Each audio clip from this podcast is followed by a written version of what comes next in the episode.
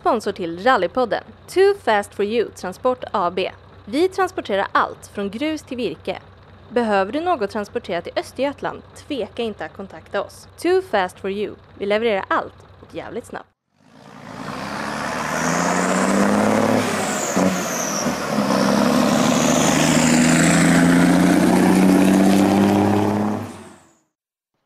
Rallypodden presenteras i samarbete med Top Cat Fishing Guide Fiskeguiden för dig som gillar motorsport helt enkelt.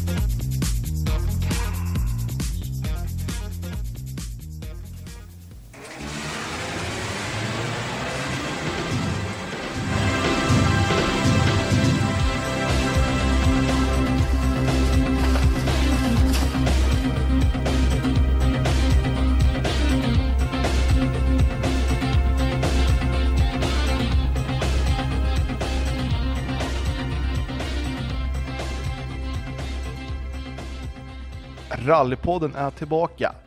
Idag sitter jag i ett garage med rätt fräna priser. Mycket unika priser som väldigt få i Sverige har lyckats greja.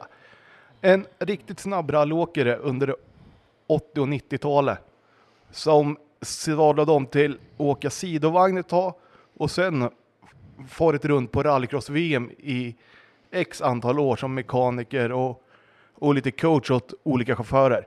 Vi hälsar Anders Nilsson välkommen till Rallypodden. Tack ska du ha. Tack ska du ha. Ja, när man klev in här i garaget så är det är ju en välfylld prishylla man ser.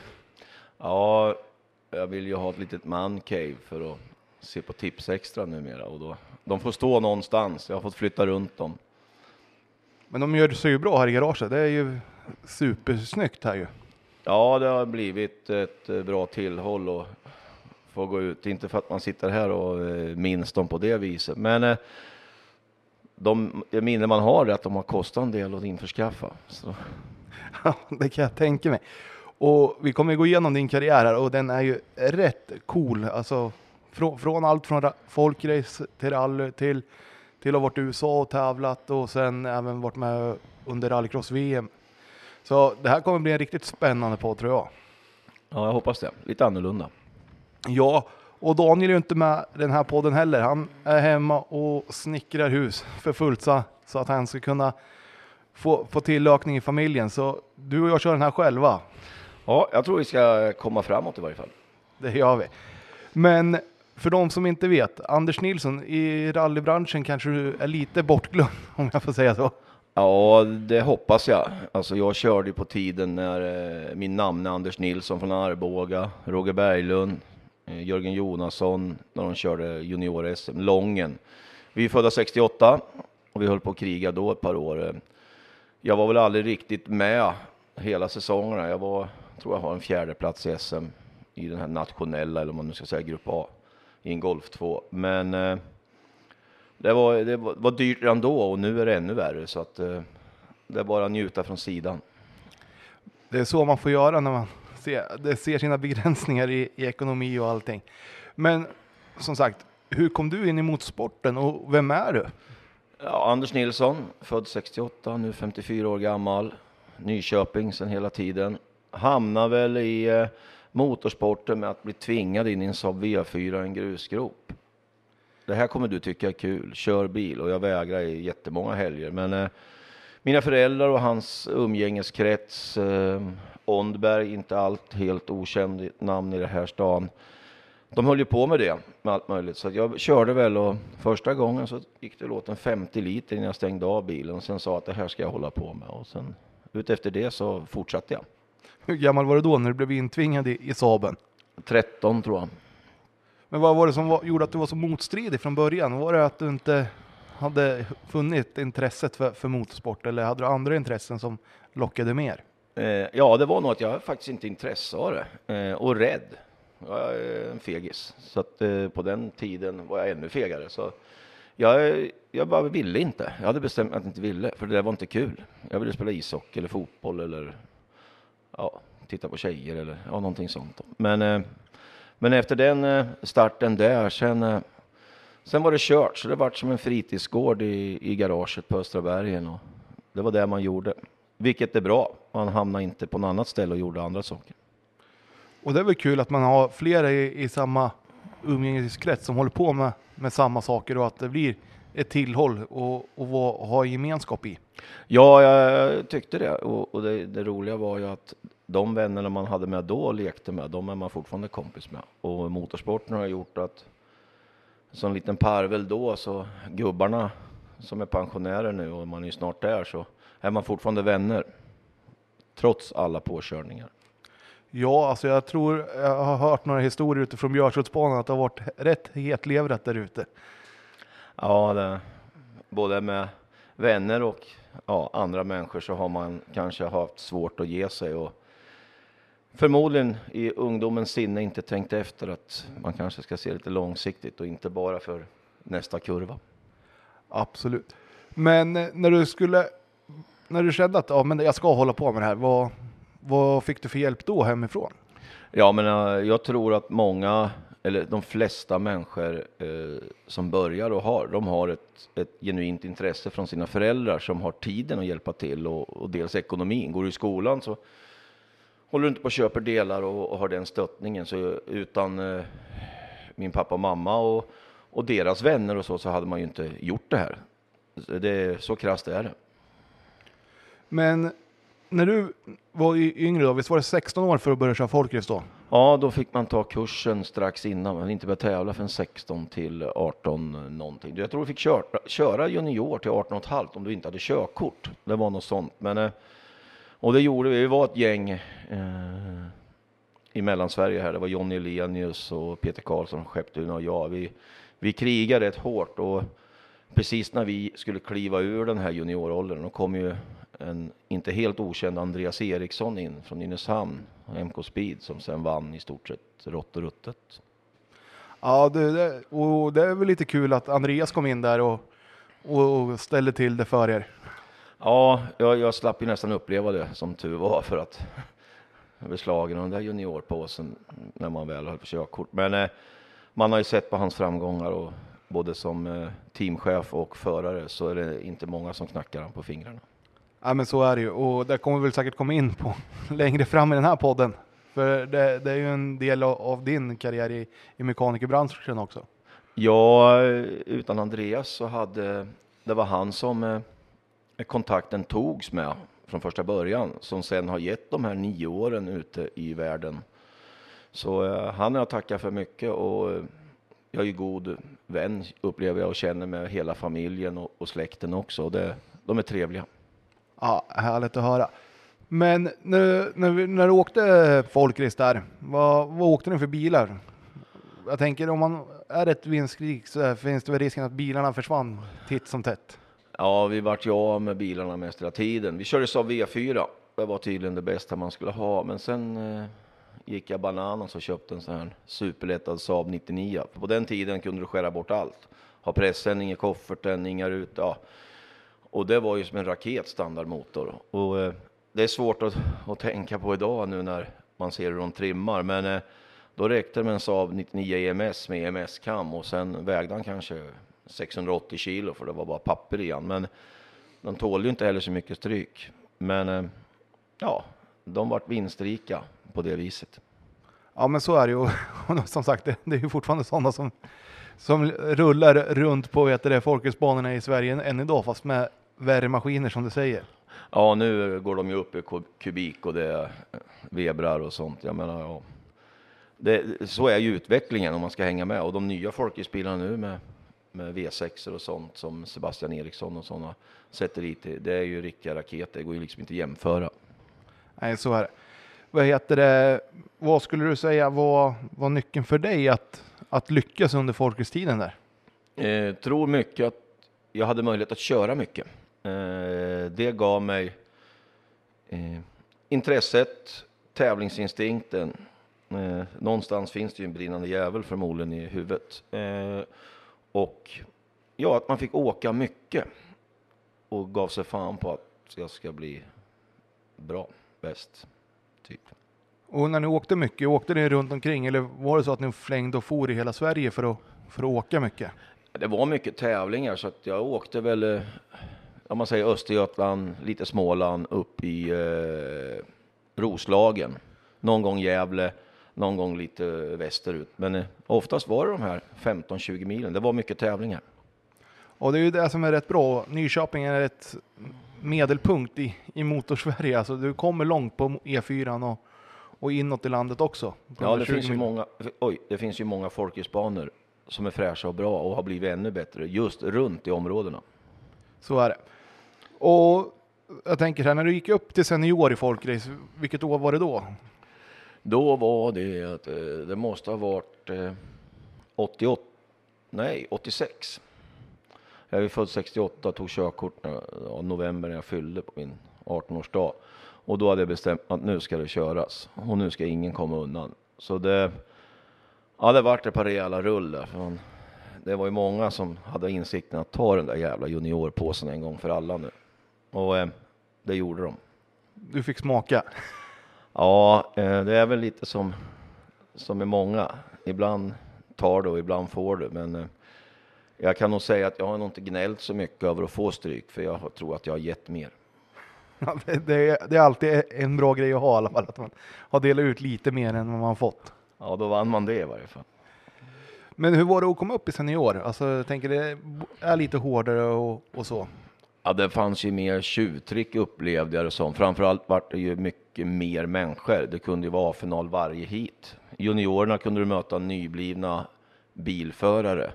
Så det har varit glappet större. Eh, men sen eh, tack vare att vi har kört mycket och kommit in i farten så Ja, likadant där körde man många tävlingar. Det hände att jag körde tre folkracetävlingar i veckan. Och då, eh, då får man lite... Det, grejen är att jag har ju kört folkrace på långt, långt senare tid. Och eh, när du inte kör ofta, då glider du inte ifrån smällarna. Du tar dem, du tar dem liksom hårt. Är du rutinerad, man ska säga, som han Tobias Svärd eller de, de har bra grejer, men de är vana. De glider undan problematiken. På De ser sätt. lite innan vad som ska hända. Att man, Ja, man, får, förutseende. man får det här raceögat. Att Ja, men nu- det är ju som med allt. Åker du inte, då kör du på fel sätt. Du bryter för mycket. Ja, men så är det ju. Men vad var det roligaste då när du kom upp där och skulle... Kommer du ihåg din första junior eller seniorseger? Ja, eh, nej, faktiskt gör jag inte det, för det är så många. Det var, det var liksom så stort. Dessutom tror jag min första seniorseger var, eh, vad heter det, festivalen i MK Speed med en Saab V4. Eh, halka upp från C-final till, B- till A-final. Och eh, Andreas Erikssons pappa, eh, kommer jag ihåg, han och jag körde Saab, sen var det sex folkvagnar med Volvomotorer. Så när filmen går iväg, då finns inte vi med på startraka. Men de där kör ihop och knipp, knapp, studs så var jag ledningen med den där V4. Och problematiken var att det var väldigt skitigt och jag hade en V4 och spolningen om jag hade den på hela tiden skulle räcka tre varv och det var sex varv. Så att förutsättningarna var så där, men jag lyckas vinna. Då, ja, det kom en tår då. Då är det skönt att vara först, för då blir det inte så jävla skitigt på rutan. Nej, ett, för första varvet så tog jag alla för att de halkar runt sådär. Så att eh, det kan inte, jag kan absolut aldrig stå och slå mig på bröstet och säga att jag körde ifrån dem, utan det var stolpe in. Ja, men det, det ska man ha ibland där också. Så. Eh, när började du fundera på att prova någon annan motorsport då, än folkrace? Eh, det gjorde jag redan då. Jag, vi hade ju V4 i, i parti och minut som man skulle haft kvar nu, för då hade jag varit miljonär. Men eh, då eh, skaffade jag en D4 och gjorde den, så skulle farsan åka med. Men han klev av efter en liten stund och sa att han hade ingen lust att sitta i diken när han åkte i skogen. För att det genades mycket till höger men aldrig till vänster. Sen eh, tog jag med en kompis som heter Fredrik Berglund. Han har kört mycket folkis, han är från Nyköping. Och vi åkte till Katrineholm. Och kurserna sån här kartläsarlicens, det var inte så avancerat. Så att vi for iväg och åkte och sen, sen kom det en vinkel. Och det är ju pilar då när det är onotat. Och han sa, ja, vinkel vänster här, gårdsplan. Och sen häktade man i nästa växel och V4 e gick upp över krön. Då sa han, det är rakt. Och sen satt vi i snön. Och jag, hur fick du att det här var rakt? Jag det var en rak pil. Då ska vi gå kursen igen. Det kallas kvittering, inte att det är rakt. Men eh, vi stod och skottade en timme eller något. Men eh, Det var långt av, av vägen. ja, ja, ja, långt. Det var djupt. På den tiden snöade det i Sverige. så det var roligt. Sen eh, hade jag en eh, kille som skulle lära mig det här. Så vi åkte upp, jag och eh, Kurt Nensén heter han, en gammal V4-åkare som har åkt, ja de som kan lite rally vet vem man är. Upp till Surahammar och åkte någon tävling. Och eh, han skulle åka med för att liksom efteråt analysera. Ska du fortsätta med det eller ska du lägga av? Och, ja, han sa, bra tack, men du ska lära dig att bromsa också. Och eh, därefter så byggde vi en Golf, jag och en kille från Nyköping. Vi kände att det här vill vi nog hålla på med. Men det måste ändå vara skönt att, att få lite kvitto på att, att farten fanns där, men även fast man kanske var lite, lite vilde sådär. Ja, lite för het. Eh, såg inte längden. Det har väl även min kartläsare som jag sen åkte med mig i rally i SM ett par år, Magnus Holmgren här från Nyköping. Det var mycket att eh, farten triggades upp vartefter. Ju längre sträckorna var, ju svårare var det för mig att hålla mig på vägen. Ja, det var så. Ja, lite. Det. Han, han hade ju rutin. Så han sa, app, app, app. nu ska vi nog, för det börjar bli yvigt. Det, jag tror att många ska ha en rutinerad i början som känner farten från 100 meter till 2 mil. Att det liksom inte får förändras så mycket. Nej, grundtempot bör vara detsamma och sen kanske man kan lägga in en stöt då och då. Exakt, exakt. Och därmed kom jag ju på att jag var sprintåkare. Men tror du att det där kommer från folket, att du blev hårdare och hårdare i varje hit? Alltså, och ju närmare finalen när du kom så var du tvungen att öka lite. Ja, alltså en folkracebil, den körde ju, vi har ju haft så många KM i Nyköping genom åren på Björsundsbanan. Och eh, i många år så har det alltid varit en folkracebil som varit snabbast runt banan. För du kan ta svängarna på ett annat sätt än en rallybil. En rallybil, fjädringsväg, alltså, du är mindre rädd tror jag. Och som Nyköping så är ju den, den är ju perfekt byggd för en Saab 99 på tvåans växel. Behöver aldrig växla, det är full gas hela tiden. Rallybil med effekt. Jag körde ju långsammare med min rallycrossbil än Saab än med en folkracebil. Så att det är lite beroende på var man åker tror jag. Men som i rally, jag är ju, kommer ju från den gamla tiden, den onotade tiden. När man tittar på träna. Och var du duktig på det och kunna läsa skog och sådär upp över blindkrön och sådär? Eh, eh, jag tror inte att det var jag som var duktig. Jag tror det var Magnus som var duktig där. Eh, för det är ju mycket, skulle man ha mycket inkar från den tiden så ser man mycket kartläsaren gestikulerar med, med en arm hur han upplever vägen. Eh, jag hade mycket nytta av det för att jag var nog otämjd vild. Ja. Och det, det håller väl i lite än idag. Alltså att du har ju alltid haft lite, lite mycket energi i dig. Ja, ja, jo det. Jag får väl erkänna, ja, så är det nog i, i mångt och mycket med allt jag håller på. Jag brinner för mycket och jag drömmer om mycket. Så att, eh, jag behöver lite folk runt mig som kan bromsa också. Ja. Men när ni byggde den här golfen, hur, hur kom ni fram att det var en golfetta ni skulle bygga? Det, det var för att jag tyckte att de var vinstrika, mycket på vintern. Och eh, det var en populär bil på den tiden. Anders Nilsson hade precis slutat med sin från Arboga. Vi funderade om vi skulle köpa en. Men eh, sen hittade jag en gammal kaross och det här bygger vi ihop snart. Det var ett par timmar ute i garaget för mig och, och, och Magnus och skrapa och fixa. Men bilen var fin och motorn åkte upp till Fagersta och köpte en eh, begagnad motor av en kille som heter Tommy Wikström. Heller inte helt okänd som körde med Autopower. Och den där hade jag bara sett film på för jag bodde mycket i Fagersta hos mina kompisar där. Och ja, han, han drog bra över 6 och 8. Så det, det tyckte jag om. Så den hinkade vi och sen en sen en motorsportlåda. Fjädring, ja det var som det var på den tiden. Men en, från att komma från V4 till den här, så var det som en raket. Du, det förstår man. Och vad var den största skillnaden tycker du mot V4? Var det väghållningen eller? Ja, det var väghållningen, slippa rattväxel. Du kunde liksom komma in i en kurva. Motorsportlådan så svarvar man ju synkringarna på ettan, tvåan så du bara kunde skjuta i en lägre. Det var väl det och sen var det ju mer effekt givetvis. Och få köra på varv, vilket har följt mig genom åren sen att ha varvvilliga grejer. Ja, men det, det låter ju intressant här framöver. Och kommer du ihåg första tävlingen med golfen? Ja, vi åkte två tävlingar. Vi åkte upp till Enköping och då hade vi fuskat innan vi byggde. Vi hade standardkoppling. Så vi ledde efter fyra av sex sträckor. Då, då slutade det dra. Eh, sen hem och köpte riktig koppling, så då körde vi nere i Kolmårdsrundan, andra tävlingen.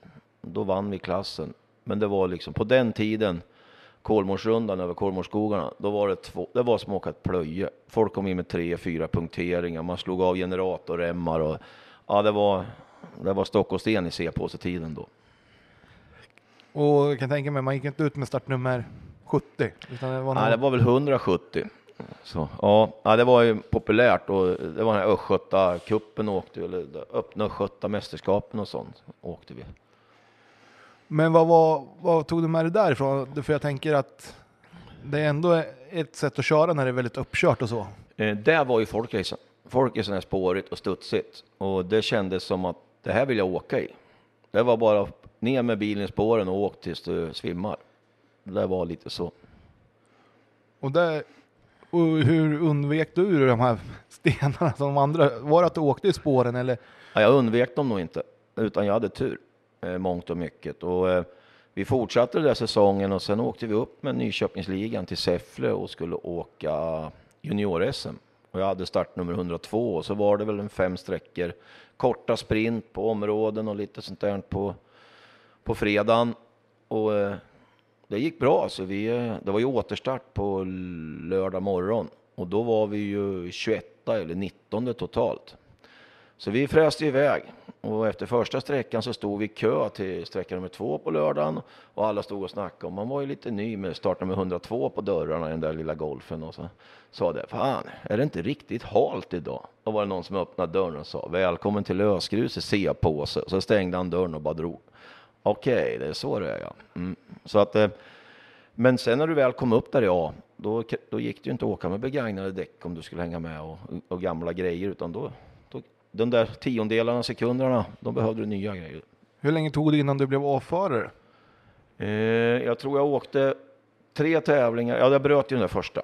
Sen vann jag tre tävlingar i C och så skulle man ju få fem poäng, så vann jag fem tävlingar i B. Så att, ja, åtta, nio tävlingar med bruten, fem månader. Ja, det är ändå helt okej. Alltså, åk, varvar du rallyåkandet med folkrace någonting? Ja, och backe. Med eh, ibland någon 240 eller ibland någon Saab 99. Vi hade ju någon rallycross Saab 99. Så du höll på med det också? Du, du hade alla sportgrenar? Ja, jag, jag hade svårt att bestämma mig. Och, eh, och farsan ville aldrig sälja något så att grejerna stod kvar. Var det han som var med och servade hela tiden åt dig eller? Eh, ja, eh, det har han varit genom hela livet och grejen är att jag har ju haft bra människor som då Kurt Nensens bror och några kompisar till han, farsan, några till. Så eh, det som gjorde att det inte var bra egentligen, det var att jag aldrig lärde mig att typ göra en jättebra motor och sånt, utan alla sa om du bara kör så skruvar vi ihop motorn. Sen att jag skötte karosser och, och liksom sånt, ja. men jag, jag kom aldrig in i det här andra. Och man jobbar mycket som resemontör och, och så hade jag nog inte intresset där och då. Nej, och det, det är väl där många kanske brister i också. Alltså, I dagens, du måste ju vara verkligen kunnig på att skruva. Eller ha, ha väldigt duktiga föräldrar eller folk som du säger runt omkring sig. Kan det vara en orsak till att det inte kommer fram lika mycket chaufförer längre? Plus ekonomi då.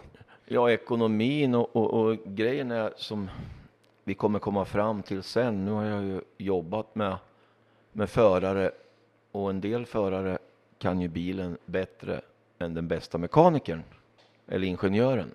För de är i grunden intresserade och de är oftast lite, de kan förklara när de har ett problem vad de vill ha gjort. Inte bara säga att den går inte bra. Jag lärde mig inte det här med motorer och hur man ställer in kamaxlar och allt möjligt så att jag liksom körde. Och,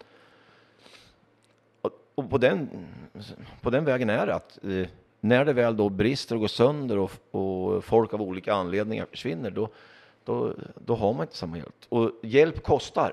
I dagens läge, då var det kompisar. Då fixade man en stuga och åkte runt och alla hade roligt. Nu ska ju i stort sett folk, både kartläsare och andra, ha lön. Ja, det, när du kommer upp på hög nivå så är det ju tyvärr så. Mångt och mycket och om du vill ha ett professionellt team också så, så kostar det ju sina, sina slantar. Ja, precis. Och, och jag tror att där när man stod vid vägs ände och valde där vid 23-24 års ålder att ska jag fortsätta? Och Mats Jonsson som hade vunnit SM-guld varje år fick sparken från Toyota för han var inte riktigt, han var inte så hipp längre. Då eh, kände man att "Ja, jag ska nog sluta med det här för jag lär nog fan inte komma upp längre än det här. Men om vi går tillbaka till den här Säffle-tävlingen när du åkte där uppe bland, bland de stora grabbarna. Kom du i mål eller? Ja, vi kom i mål. Eh, vi körde av en drivaxel på den sträckan jag pratade om eh, då när vi var välkomna till lösgruset. Och, eh, skulle väl egentligen ha fått transportprick. Men vi kom i diket till sträckan efter och eh, Magnus bara skrek till någon, det var väl någon oerfaren bara, jag ska ha den här tiden. Så vi fick den, så vi fick aldrig någon transportprick. Det gjorde att vi vart väl typ 25 totalt eller någonting. Annars hade vi kanske blivit 50 på, de där två minuterna för att vi, vi hann inte byta drivaxeln. Och det var likadant där man kom in, för det kunde jag. Det var jag bra på att byta drivaxlar, så då var det ner i overallen och under och byta den där drivaxeln. Då. Men hade ni med dig rallybilen då? Eller Nej, var det, så- var ju service till varje sträcka. Då körde man ju typ nästan, när jag körde Golf 2 sen, då hade man ju chase car. Och då hade man ju en Golf 2 utifall att det stökade till så man kunde plocka en ruta eller någonting sånt där. Så att, men då hade vi service till varje sträcka och stod i skogs, på vägar och kors på den tiden. Så att, Det var lite mer match. Alltså, det var lite roligare att åka service då kanske också. jag tror, att själv har jag åkt mycket service till våra kompisar från Nyköping och jag, det vart ju nästan som ett litet eget rally att ta sig runt så fort som möjligt mellan punkt A och B. Ja, eh, när, när, eh, som sagt, vi hade ju med Rickard Omberg här för ett par avsnitt sen. Är det någon du tävlade mot? Eller han är lite yngre än dig? Eh, lilla Rickard var ju min däckgubbe eh, när jag åkte SM. Eh, jag lyssnade lite på hans podd. Han tog aldrig upp när eh, han var med i Sälen och fick en blåklocka av att det var en dam som snubblade på madrasskanten och armbågan i ögat. Då var han 13. Men han har alltid varit med mig och hela familjen Onberg har alltid hjälpt mig, både i rally, folkrace och senare också. Vi har ett väldigt eh, tajt eh, förhållande ihop. Eh, De är underbara och Rickard som sagt var har alltid varit med och nu kör ju Robban också och gör det bra. Men exakt, det tog vi också upp. Hockey, hockeyspelaren, han, han sadlade om och började rally när han, han kom upp i ålder. Han. Ja, och jag menar hans eh, mentalitet att vinna och aldrig ge sig, det syntes redan i folkracebil. Jag menar, de, grabbarna kan ju köra bil, det är inte fråga om annat. Och eh, de har ju adrenalin och påbrå, så att vi har väl alltid tävlat mot varandra vid sidan, men vi har liksom inte, det skiljer så många år, det är väl en tio ungefär. Så att jag hjälpte han sen lite och, och alltid följt han. Men eh, han var alltid med som, som tonåring med oss. Han hade ju ett oerhört intresse. Ja, det är lite kul när man kan backa tillbaka och, och knyta an några poddar så här. Vet du det? Och du, sa, du nämnde lite tidigare att du bytte den här golfettan mot en Golf 2. Ja, Vad berodde det på? Var det att... eh, eh, på den tiden var reglementet att eh, de slog ihop alla klasser i totala SM i junior. Och då räckte ju inte 1600 till, för de slog ihop tiderna. Sen bytte jag 1600 till en eh, åttaventilare, Golf 2. Ja, då helt plötsligt delade de på klasserna, så då hade min 1600 varit perfekt. Och då stod jag med en 8 ventiler, fick köra mot 16 ventil mot då Roger Berglund, eh, som förmodligen hela Sverige och några till vet vem det är. Och han är ju galen om någon. Och så Jörgen Jonasson mm, uppifrån eh, Vännäs då. Så att, eh, då vart Golf 2 fel igen egentligen. Så körde jag en säsong och gjorde en, en kraftig rullning i Eskilstuna. För jag, jag hade blivit varnad av de här gamla gubbarna att jag skulle sänka tempot, annars skulle det kosta mycket plåt. Men jag lyssnade inte på det örat och det tog två tävlingar, sen var det karossbyte. Och var det Magnus som åkte med då också? Ja, han åkte med. Vi hade varit i Mönsterås veckan innan och åkt nere Oknerundan och fick eh, kopplingsslir eh, slir direkt på ettan. Hällde i kola och körde bara på tre växlar. Och jag kommer ihåg Magnus, vi frågade varje gång jag kom in i sträckan. Hur, hur långt efter var jag? Jag tänker inte säga något. För då vann vi varje sträcka för Björå och de på 16 ventils golfarna och sex växlar. Så när vi, kom, vi hade ju förlorat en minut på första för det slirade så fruktansvärt. Och då är målet, och titta de, kom vi in bland de här rutinerade rävarna och En annan var väl liksom lite mer ung och dum och då sa de bara, du är grabben, sa Björe, om inte du sänker tempot så kommer du få rikta mycket plåt. Nej, det är ingen fara, så jag, jag kör under kontroll. Kommer till Eskilstuna och så går första sträckan, jag är väl 7-8 efter på 8 kilometer. Då säger jag till Magnus, bara vält på hejad av eh, Tommy Wikström som var mekaniker åt mig. Ja, nu får vi väl ta i. Det gjorde vi. Fyra kilometer in så vart det en två och ett halvt, tre varv framvägen över en sten och lite sånt. Eh, för övrigt så sa Magnus när vi landade efter en stund, fan här har jag sett någon krascha på SM. Ba. Ja, det var då det. Kom du inte ihåg det här innan vi kom in? Skulle ha sagt något innan. Ja, det var många som eh, förstörde sina bilar där. En kille som heter Håkan Hult frontade den stenen som vi satte i sidan. Och jag slog ju den, eh, min egen stol. Och så rullade vi och eh, jag hade ju en stor sån här släckare bakom min stol inne då. Den får ut genom sidorutan bakom Magnus huvud och jag tror fortfarande tyvärr att Magnus har lite problem med ryggen efter den där rullningen. Det, det studsar lite väl mycket. Ja, det är aldrig kul när det blir så, men skönt att den där brandsläckaren åkte ut genom sidorutan i alla fall. Ja, det, det är då man ser och, eh, och på den tiden var ju inte farterna som de är idag. Det var ju inte notat då heller så att eh, nej, jäklar vilken respekt man ska ha för trän och stenar och annat. Ja, det går fort när det väl bär av vägen. Ja, herrejävlar. Åker man upp på de här VM-tävlingarna, jag kan inte för liv förstå att de håller bilen på vägen.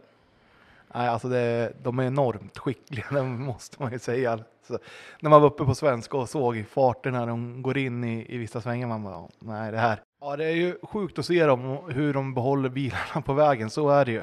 Ja, och hela den eh, cirkusen med depåer och det. Det är ju stora, bo, eh, stora garage de bygger upp veckor innan. Det, det är inte ett eh, pop-up tält och två däck och en domkraft liksom. Nej, när man kommer upp och ser, alltså nu måste jag säga att Hyundai krossar ju alla i år. För Toyota kommer lite mindre, alltså de hade bara vanliga nästan pop-up tält nu. Ja, jag var, jag var uppe i Finland här, eh, det är väl två eller tre år sedan Mattias körde och då eh, Hyundai var ju störst och sen var ju Toyota skapligt stora och så hade Ford liksom lufttält och container så de, de har ju varit lite underdogs där. Så är det ju. Men åter till det här med och du riktar mycket plåt där ett tag. Hur länge tog det med karossbytet där på golfen? Ja, jag hade ju många som hjälpte till och vi, eh, vi köpte en ny kaross av eh, en kille som heter Hallsten i Malmköping. Så den hämtade vi veckan efter och sen flyttade vi över saker. Eh, men man var nog mer ivrig att flytta över saker och få bilen klar och köra nästa tävling än att kanske vara att köra mycket bil eh, mer för att få den, den där. Så sen kände jag snart nog efter den där rullningen att det var, de, det var ju fortfarande onotat, att det var de där släppen över krönen och släppen här och då trillar tiondelar av sekunder. Så att där och då så upptäckte jag nog lite att eh, ah, jag vet inte om jag ska hålla på med det här. Så kom vi till Lima, första SM-tävlingen på vintern. Då var det notat och då var det beskrivande noter vilket rörde till hela mitt huvud. Jag har inte den kompetensen att förstå allt. Det fanns inte siffror då. Siffror kom precis i nästa tävling, men då var ju siffrorna baklänges. Då var ju inte ett, höger ett vinkel liksom, utan höger ett var ju som snabbast, så det var ju baklänges så också. Men eh, då hade jag nästan bestämt mig att jag ville sluta. Jag kände att jag har inte råd längre och då hade ju sidovagnsgrejen kommit in. Och den har vi inte ens börjat prata om. Nej. Jag nämnde vi inte ens att det var lite, jo kanske lite att det var tre hjul inblandat. Ja. Men då är vi alltså inne på 90. 93. Men du, då har vi hoppat över ett av dina mest framgångsrika år ju. Ja, just det. Va? Det för du, som sagt, du sa ju att du blandade både backe och folkrace där. Ja. Och 92 var ju, då måste du ha åkt rätt mycket folkracetävlingar. Ja, jag, jag studsade på, jag lå, lånade eller jag vet inte hur man ska säga, syrrans bil rätt ofta, hon körde mycket folkrace, jag körde allt annat. Så då var jag den som hade vunnit mest folkrace-tävlingar i Sverige det året. Eh, så det vart en hel del folk. Då var det en tre, fyra tävlingar i veckan stundtals på sommaren. Ja, det är ju rätt coolt ändå. Men, men hur orkar man åka så mycket? Ja, det var ungefär som de som är snabba nu. Bilen gick inte sönder så mycket. Du hade en fem egna bud. Det var inte så mycket trasigt så du i stort sett kunde rikta bilen på kärran för att åka till nästa tävling. Om den fanns kvar. Och så ägde vi väl en fyra, fem samtidigt bilar. Var det så att man delade bil med varandra mycket under den här tiden eller var det att man hade sin egen? Ja, jag hade nog min egen, det var ingen som... eh, Jag hade bara delat bil en gång med min syster. Då åkte vi till Eskilstuna och när vi kom till Skogstorpsrondellen så satt jag och åkte runt, runt och jag tänker inte åka ur rondellen för att säga att vi kan dela bil, för jag hade inte anmält. Och så anmälde jag mig och kom dit och så rullade jag i tredje omgång så hon inte kunde köra final. Sen var det färdigdelat. Förstörde du hela hennes dag alltså? Det kan man säga. Men i alla fall, när du insåg att du hade vunnit, vann du någon av de här stora tävlingarna under 92 där? Och, Eh, nej, det var eh, Nyköping, alltså det var Mellansverige. Då, det var där jag var och åkte. Vanliga tävlingar med 100 startande. Mycket Västerås, på asfalt och sånt. Jag, jag körde de tävlingar som jag kände att, att eh, bilen får inte så mycket stryk. nej, och vinstchans fanns. Vinstchans fanns. Ja, Ja, men det måste ju ändå vara coolt och sen få åka rally däremellan. Alltså, ja jag det- körde rally samtidigt, rally-SM 92. Jag körde back-SM med en annan bil 92. Så då hade man flowet. Alltså åker du mycket så får du farten oavsett vad du kör. Det är därför många, tror jag, de här snabba förarna nu, de åker lite olika klasser, lite olika bilar, men de får köra mycket. Köra mycket bil, mycket tävlingsmoment. Ja, något jag har tänkt på här innan vi, vi går vidare till sidovagnen där. Har du bara åkt framhjulsdrivet fram, fram till 93 här? Nej, vart inspirerad av en kompis från Nyköping, Johan Andreasson, så då köpte jag en 240 och skulle åka rallycross med. Det var mycket stora rattutslag. Men fantastiskt roligt. Ja, gick det, gick det fort då? Eller var det mest sladd som- som det blev med? Ja, det var nog mest sladd. Eh, Jag var bra på att starta, så jag kunde ju ha de här SM-eliten bakom mig, men det var ju ja, jag var väl ett varv, sen var de ju om för att det gick lite för brett. Men det var fantastiskt roligt. Ja, och så åkte du den i SM i, i rallycrossen då? Eller? Nej, Svealandscupen någon och sen åkte jag några back-SM-tävlingar. Aha, där ser man. Mm. Ja, kul alltså. För jag tänkte det har bara varit Sabar och Golfar och, och hela tiden. Så jag var ju tvungen att se om du hade Ja. provat. Eh, Pappa var ju Saab-frälst, så det var svårt att, att komma in. Det var ett stort kliv att bara få in i 99 i det där garaget från V4. Så, en mindre än Volvo, det kan jag säga. Ja, det, det, det, då sved det. Ja, då eh, det fick man ta lite när man har eget garage. Ja, i alla fall. Men 93 då, då var du lite less på rallyt där och, eller var det all bilsport eller? Ja, men det var kostnaderna. Jag kände att jag var tvungen att göra något nytt och eh, Eh, som inte krävdes så mycket eh, pengar i för att kunna göra något roligt och tävla om ett SM-guld. Och då tänkte jag att fan, det där verkar ju fränt. Det har jag ju sett när jag åkt back-SM så många år. Eh, så vi testade det, jag körde lite på Björshult. Ja, det gick ju skapligt, det var roligt. Eh, åkte ner till Uddevalla, berättade inte för någon ljög kan man säga på telefonsvararen vad jag gjorde och sen eh, åkte jag ner och var tia. Vi var, då var ju sidovagnen jättestor sport så vi var nog 35-40 stycken, mycket finnar och ryssar med. Var tia i den tävlingen och sen åkte vi Borås och, och Röfors och jag låg där tionde plats och sen tog vi den där gamla kavan och åkte till Örebro och slog backrekord och var tvåa. Men då hade familjen mojnat. Då gick det att hålla på. Ja, det var så. Ja, de var, eh, eftersom jag är som jag är och lite eh, liksom överladdad lite så tänkte de att överladdar man med en sidovagn då, då lever man inte så länge. Men eh, det, är en- det är en väldig skillnad att åka en sån mot en rallybil. Ja, men det kan jag tänka mig. Alltså, det är, du, du får nog lite mer respekt för farten när du sitter. Ja, i början, första tävlingen i, i Uddevalla åker man ju mellan berg och, och hockeyplank. Problematiken där är att sidovagnar i Sverige är byggda som att den egentligen är en högerstyrd bil. Och jag satt i burkslaven efter 100 meter i sargen för att jag genade för mycket. För att jag visste, det har jag aldrig stuckit ut på den sidan. Det är ju bara backspegeln. Så att, det där fick man ju lära om. Att det faktiskt sticker ut på fel sida. Då. Och det måste varit svårt att, att få in i huvudet här efter det, bara så här direkt. Ja, jag, jag har ju testat och kört en högerstyrd bil i liv i folkrace. Varje gång man skulle eh, titta upp i backspegeln och, och se vad konkurrenten var så slog man ju ansiktet i sidorutan för att den var ju åt andra hållet. Så det, ja, jag är ingen älskare av högerstyrda bilar. Det är jättekonstigt sladd och allting. Hur många gånger ryckte du handtag, alltså dörrhandtag istället för växelspaken? Ja, växelspaken, som en Folkets bil så växlar du bara en gång i stort sett. Det är i starten. Men det är just det här med att kliva in. Ja, det är inga stora problem, men du går alltid till fel dörr och sen backspegeln. Ja, roliga anekdoter det där.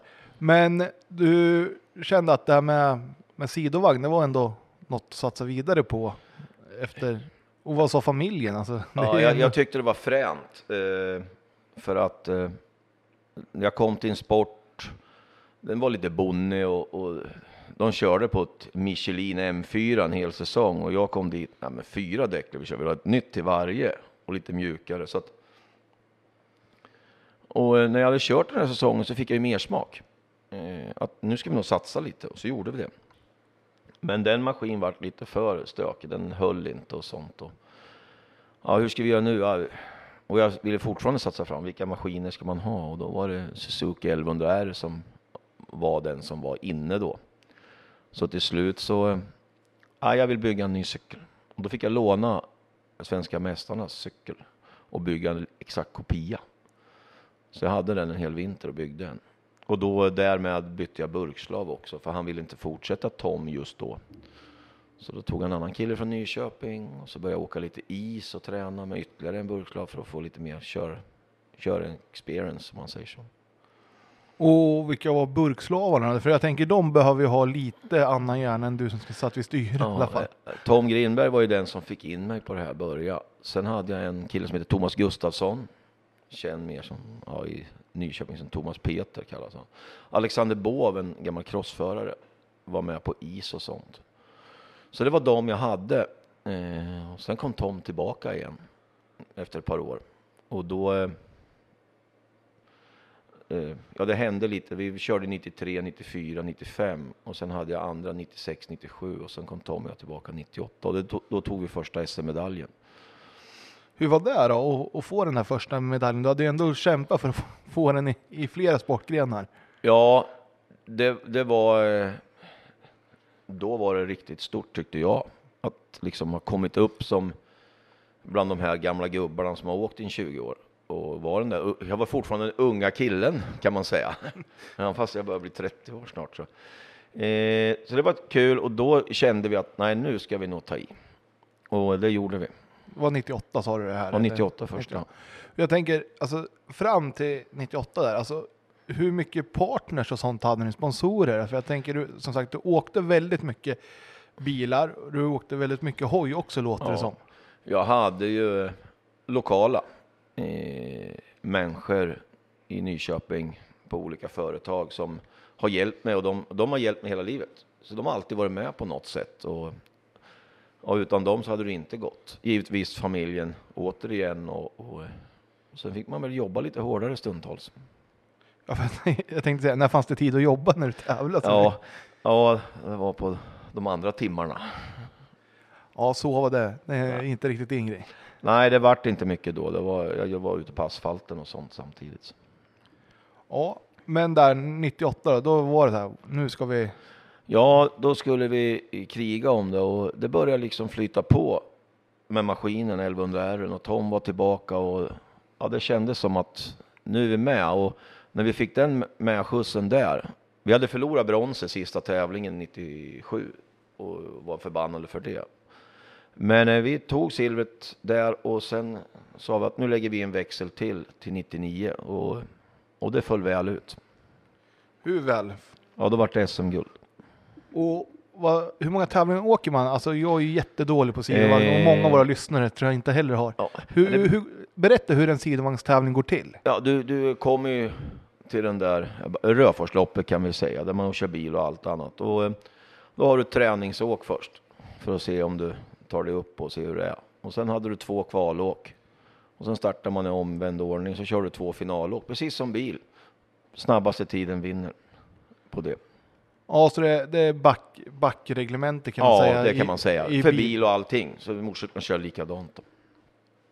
Vad, vad hade du för styrka när du satt dig ba- bakom styret? Eh, jag tror att eh, extremt koncentrerad, memorerande, koncentrerad och eh, en viss uns av jävlar anamma.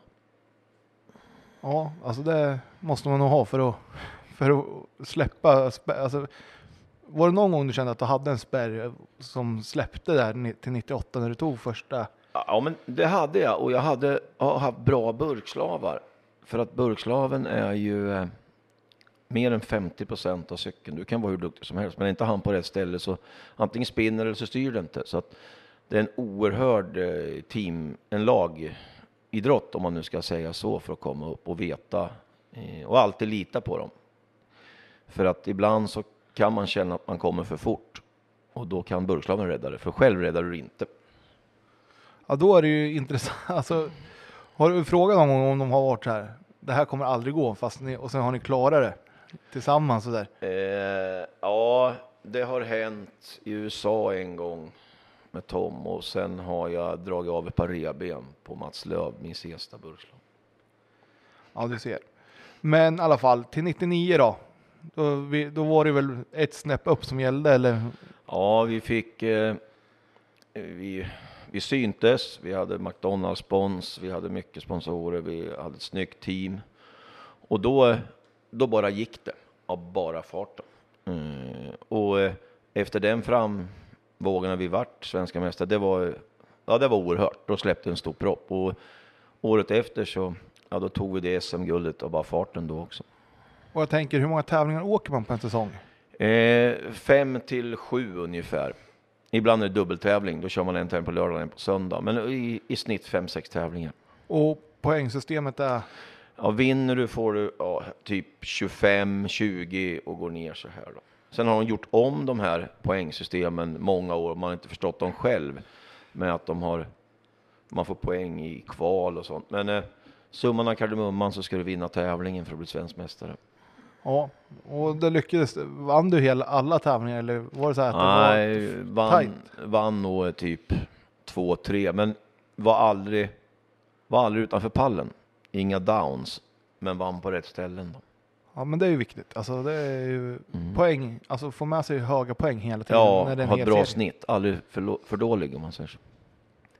Men eh, där, ja, två raka SM-guld.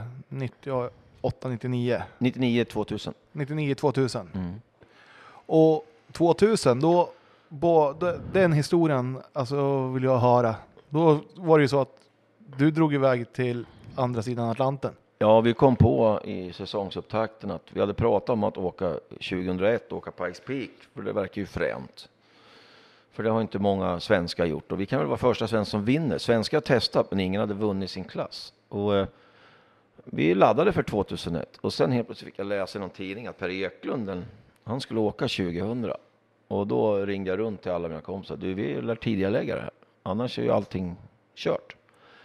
Så vi, jag letade upp ett bolag i Stockholm som kunde skicka motorcykeln i en liten låda och fick med mig någon som kunde engelska, för jag kunde ju knappt yes or no. Eh, och det är inte så mycket starkare just nu med mitt baklängestal, men då var jag riktigt rasslig på engelska. Så han följde med, oss, vi var fyra stycken.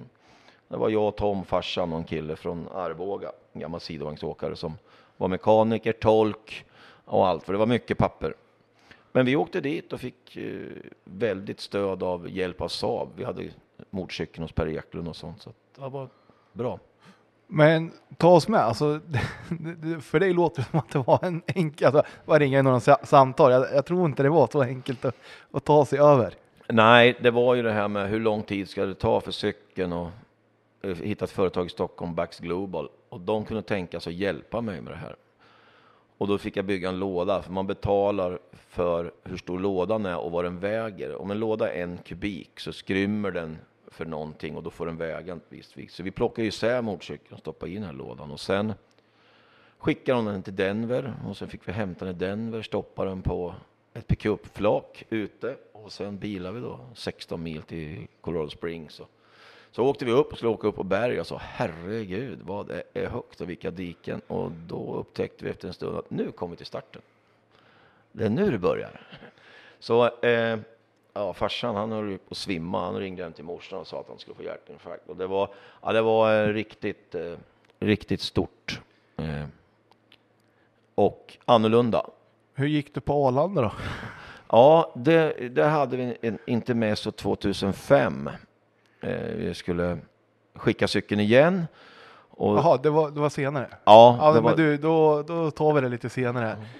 För det, det pratade vi om lite innan, så det Ja. hade varit kul att höra. Men första gången, då var det inga bekymmer alltså? Nej, det var inga bekymmer. Det var svårt och det som var bekymret är att i, i kanen, det är en tulldeklaration, som sidovagnsmotorcykel i USA kallas sidecar, men inte i deras papper. Så de menar på, var det sidovagn? Ja, men det är en sidecar. Nej, det ska vara motorcykel. Så det tog ett dygn och, och krångla lite. Och det har det gjort varje år, de här kaninerna just att de inte förstår. Men vi, vi åkte dit och vi bodde och vi var lite så här, Ja, man kan nog säga att vi var vilsna i ett stort land. Men eh, tävlingen gick bra. Vi umgicks mycket med Saab-folket. Vi vann och vi slog rekordet. För att sen eh, slutade det med att en Bosse Svanér, en gammal tävlingschef på Saab, travade in i sekretariat och sa att Per Eklund kommer inte starta om inte ni rättar till tiden. För då hade de tagit bort, lagt på två minuter på min tid. Jag hade varit ute, tiden var ju rätt, jag hade slagit rekord. Men de vill inte att någon svensk ska ta någon rekord i Amerika. Så då helt plötsligt kom tiden tillbaka. Och sen vann Per sin på eftermiddagen, jag körde på förmiddagen. Och hur, alltså, jag tänker uppladdning inför så här. Alltså när ni åkte upp första gången för backen. Ja, alltså hur- Då undrar vi vad fan har vi gett oss in på. Det var, det var lite skrämmande. Det var grus hela backen då. Och inga räcken och ingenting. Och det var ju högt något så fantastiskt. Så att, eh, ja, det var, jag bara oj, oj, oj, oj, oj, nu har vi nog ställt till det. Inte så att du vill åka ut över kanten där. Nej, men, och eh, vi visste ju inte det heller att eh, som i USA när man kör Pikes Peak, då startar två motorcyklar bredvid varann och sen går det 45 sekunder så man åker och knuffar på den framför, det liksom tampas upp för backen. det måste jag... Det visste jag inte. Men då kom Folkestakten in då. Ett par år senare gjorde de det. Men här då, första, hur många åk åker man för? Ett. Du, åker, du har en chans. Ja, du tränar en dag klockan eh, fem på morgonen till nio. Då får du köra från mitten och upp ett par gånger så många du hinner. Och sen nästa dag då tränar du från starten till mitten ett par gånger vid den tidpunkten mitt i natten. Och sen tävlingen, då har du ett åk. Och då är det bara först upp vinner. Hur lång är backen? Den är väl strax över två mil. Och komma från 870 meter i Arboga så var det en viss skillnad. Det går liksom inte att ha det tempot som man har i Arboga. Hur, hur tränar du inför det här? För jag tänker två mil på en hoj, det är ju ändå inte, det är ju ett fyspass utan dess like. Ja, vi gjorde nog inte det. Träna är kanske inte min stora grej, utan vi sa det här löser vi. Men eh, ja, första året när jag kom upp, det är ju som, det lärde man sig sen att man skulle dricka stora mängder vatten innan, för i vatten finns det syre. Och när jag kom upp då, de sista fem kilometerna, då kopplade jag inte längre. Då fick jag, jag kunde inte rätta ut fingrarna. Så när jag kom i mål så, jag kunde inte släppa styret. Fingrarna, händerna satt fast av kramp och hålla i styret. Och det var ingen handbroms som användes, ingen koppling de sista 4-5 kilometer. Men ändå så slog du backrekordet. Mm. Hur var känslan när ni kom upp där? Vem var det som åkte med som burkslav? Det var Tom, han åkte med eh, första året och andra året. Och alltså känslan när ni kom upp där och hör, hör tiden och vet att wow, nu Ja, det- vi har gjort något som Ja, det var, det ingen- var, det var fränt. Eh, och det som var ännu mäktigare, det är när man åker ner, då står ju hela publiken under nedsläppet och liksom, de är helt galna. De ska ta på en, det är high five i två mil. Så att det, det är mycket publik och på den tiden då var det väldigt mycket publik. De, de kampar ju liksom i vägkanten på den tiden med husbilar och sånt. Så man åkte ju ibland bilarna, typ som ett, om man ska tänka på gamla rallybilder då när de körde grupp B-bilar, att folk skingrar sig. Lite så var det. Det måste ju ändå ha varit svincoolt. Ja, det var en väldig skillnad mot Sverige. Men när man lyckas vinna i Amerika sådär, som du säger, de försöker fuska till tiden och sådär. Men om man har vunnit något i Amerika, då är man ändå lite större än, än andra. Ja, alltså det var ju känslan att vara där och, eh, och få göra det här var ju, det var nog triggande mest för oss själva. Eh, Det var inte så att det ramlade in massa pengar och sånt. Var väl en 10 000 kronor i prispengar eller någonting sånt. Men eh, att just göra den här och sen alltid kunna säga att jag var först. Det var väl det vi, vi triggades av. eh, Att göra det. Och sen sen var det, jag har ju alltid varit eh, lite, tyckt om USA, eh, fräna bilar och motorsport. Och, och den stora skillnaden var att när du tävlar i motorsport i USA, då, då är du som Peter Forsberg skulle vara om man klev ner i Rosvallahallen. Det, det, lite, det blir wow, oh, motorsport, du, du kommer fram. Det är inte att du är miljöbov eller någonting. Alltså, vi kör ju i ett naturområde och de vill helst att vi kör med raka rör och inga ljuddämpare. Ja, det, är, det är ballt. Riktigt ballt. Men om man säger så här när vi tar, tar det här, alltså du är ändå första svensk att vinna en klass i Parkspeak. Ja, ja det, det, var ju, det kan ingen ta ifrån. Det var, ja, det var fränt, men det gav ju bara mer smak att fortsätta. Ja, men det kan jag tänka mig, men det, den, har du sugit på den karamellen länge? Alltså, jag tänker det är inte, det är ingen som kommer ta det ifrån dig. Nej, det, det, det, var, alltså när man, jag tror att jag själv var så tävlingsintresserad så, men jag tror att många runt omkring såg det som, det är inte bara tävlingen, det är hela det här konceptet att det ska funka runt och du har bara en chans och det är långt. Jag menar, det går sönder saker och det gör det jämt på en sån där häck som vi kör liksom. Det är ju egenbyggt och sånt. Så att det är ungefär som att köra två säsonger i Sverige med träning i USA. Så den rullar ju lite mer med hjullager och sånt. Hur mycket reservdel och sånt hade ni med er? Ja, vi hade någon, någon extra motor och lite och en jävla massa bromsbelägg och, och sånt. Sen måste man ju bestycka ner den för det är ju 40 procents lägre syre och vi körde ju bara förgasare så att i början där fick man ju joja på axpumparna för att han inte skulle skära på långrakerna för att det liksom varvade ur för länge. Ja, du ser, det är mycket att tänka på när man åker så högt upp med, med syre och allting sånt där. Ja, man såg ju de som åkte bil. De, alla hade ju syrgastub och slang i näsan. Som, men eh, det var svårt att ha med någon dykartub på ryggen. Ja, det hade, hade sett kul ut i alla fall. Ja, ja det var. Alltså det var, det var ju syrebrist och sånt och sen, sen blir jag tror jag när du är ny och sånt i ett, i ett nytt arrangemang. Du blir så taggad och entusiastisk så du, du klarar nog mer än du tror på sådana saker. Ja, du ser.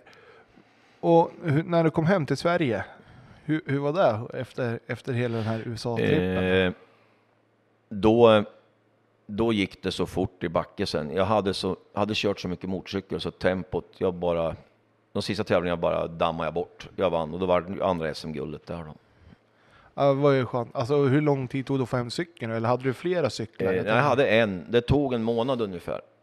Så jag lyckades då 2000 att få Tidaholm att flytta sin SM-tävling för att jag skulle hinna få hem cykeln.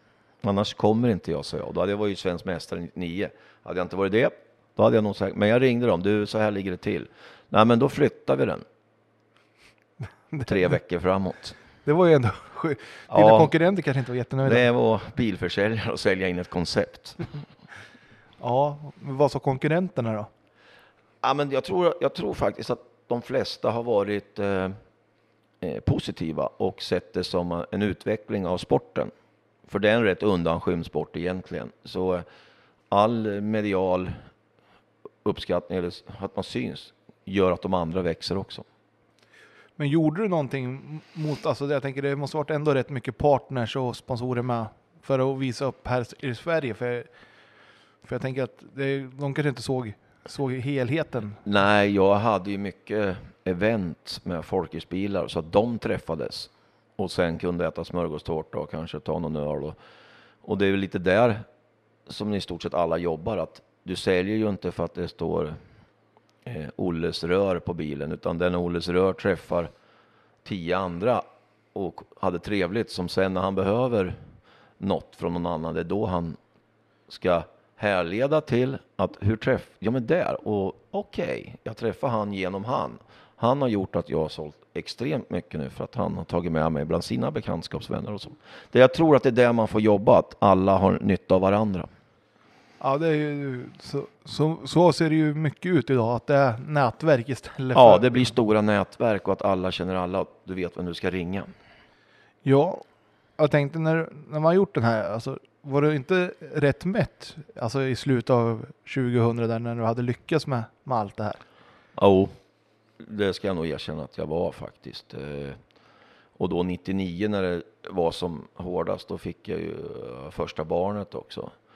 Och då sa jag det någonstans, ah, nu, nu har etterläge kommit, nu kan vi vrida ner lite till i SM-finalen och då vann jag den med en sekund. Så det var väl lite så man, man växer och sen börjar man ju tänka åt andra hållet. Oj, vad, nu kanske man ska lugna ner sig. Sen var det ett par hårda år, eller hårda, det var brons och något silver.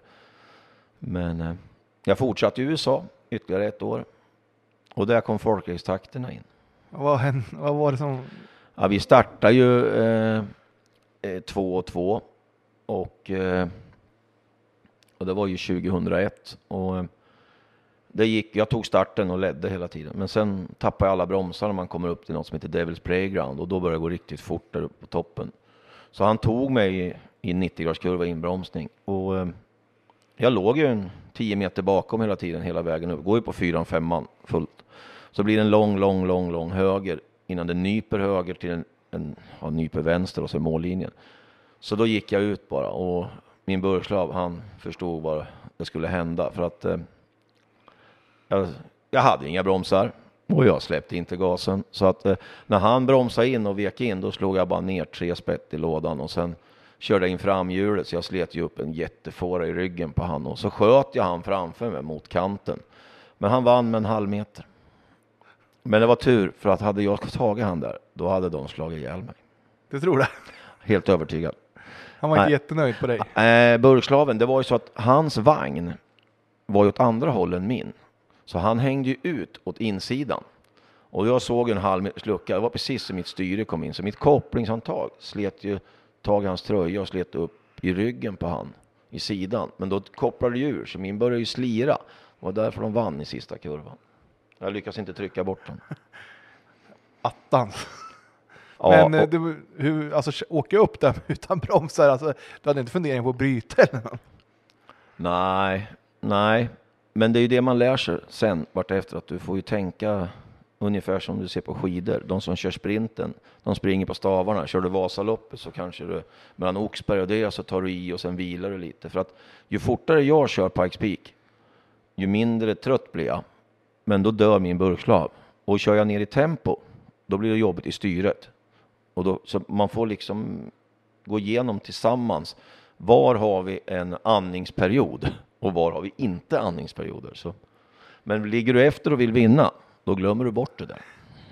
Men då gäller det, förresten, det har vi inte pratat Kan man kommunicera med burkslaven på något sätt? Jag kan inte kommunicera. Han kommunicerar med mig, men slår på mig. Ja, han slår. Ja, han slår i ryggen. Ibland förstår jag som att jag ska öka och ibland som jag ska... Det vet jag ju inte. Så jag har gjort fel där också. Ja, men jag tänkte, det är ingen intercom eller något Nej, sånt i alla fall. nej. Det måste ändå... Men, och sen en annan sak jag funderar på. Om burkslaven trillar av, mä- märker du då när han släpper det, alltså trillar av direkt eller blir det i nästa kurva? Det är lite beror på eh, om det är raksträcka. Ja, du känner att cykeln, jag har ett par grejer vi ska ta upp och det har hänt, men eh, eh, ofta känner du direkt.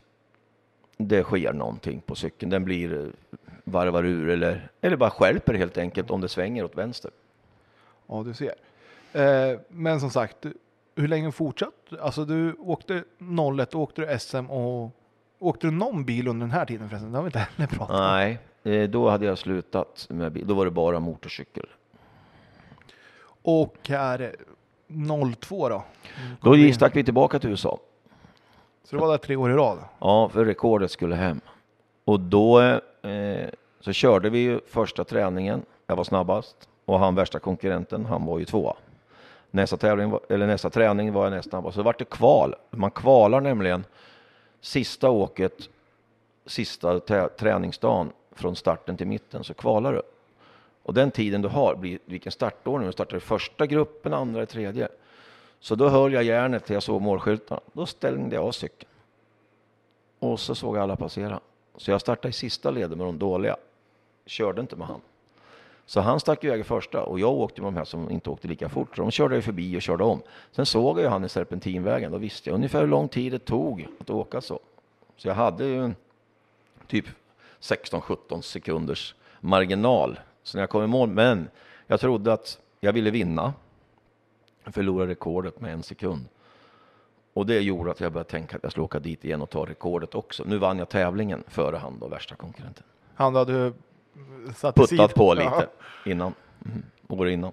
Var han bitter då när du kom tillbaka? Ja, alltså, han är, eller han var, han omkom eh, strax efter i en trafikolycka hem från eh, Las Vegas till Los Angeles. Men hans Burslav och jag är jättebra kompisar, vi har umgåtts.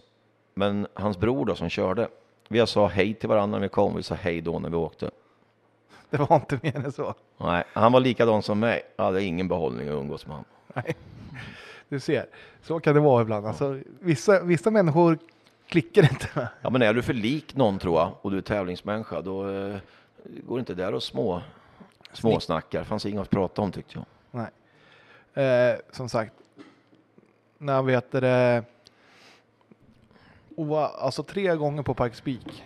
Mm, det gjorde jag i rad där. Ja, hur, hur får man alltså, ja, finansiering till att komma dit? Eh, Det var ju mina ja, 10-12 lokala sponsorer som hjälpte till. Eh, De betalade hela resan. Det kostade ungefär då att skicka cykeln kostade väl ungefär 45 000, 50 000 fram och tillbaka. Men så hade jag jättebra hjälp av Saab. De eh, höll med hyrbilar, hotell. Så att, Men det är ju skönt. Alltså, är, man behöver någon stor aktör tror jag för att, för att få, få det att gå runt utan att plocka för mycket från sin egen ja, precis. hushållskassa. Precis, och eh, mina vänner som vi kom till då när man började med rally och sånt, de betalade sina egna flygbiljetter fast de hjälpte mig där. De betalade sina egna hotellrum eh, eh, och så. Ja, det är ju riktigt Så då-. Då fick man, de pengarna fick man ju in. Om jag lyckas sno fyra hotellrum eller få någon i USA betala fyra hotellrum och de fortfarande vet att det ska kosta dem 4 000. Så de pengarna gick ju till att skicka cykeln. För jag kunde liksom inte ta med tio hangarounds och, och betala för dem. Det fanns inga möjligheter. Nej. Utan alla ville, vi, alla ville ha en upplevelse själva och se det här och de ställde upp på det. Ja, det är ju riktigt coolt att få göra det med, med polarna sådär också. Ja, Men om vi går vidare här då. Ja, 2002 då. Var det då, det var tredje gången? Ja, det var tredje gången. Ja. Sen vart det bara SM hemma och lite is sånt. Sen, eh, sen beslutade vi oss för att vi skulle ta det här en gång till. Och då eh, fick jag en kille från Örebro som eh, skulle filma det här och göra en liten dokumentär om det. Och den vart, den vart över förväntan så vi eh, hyrde ju eh, biografen i Nyköping och visade den där.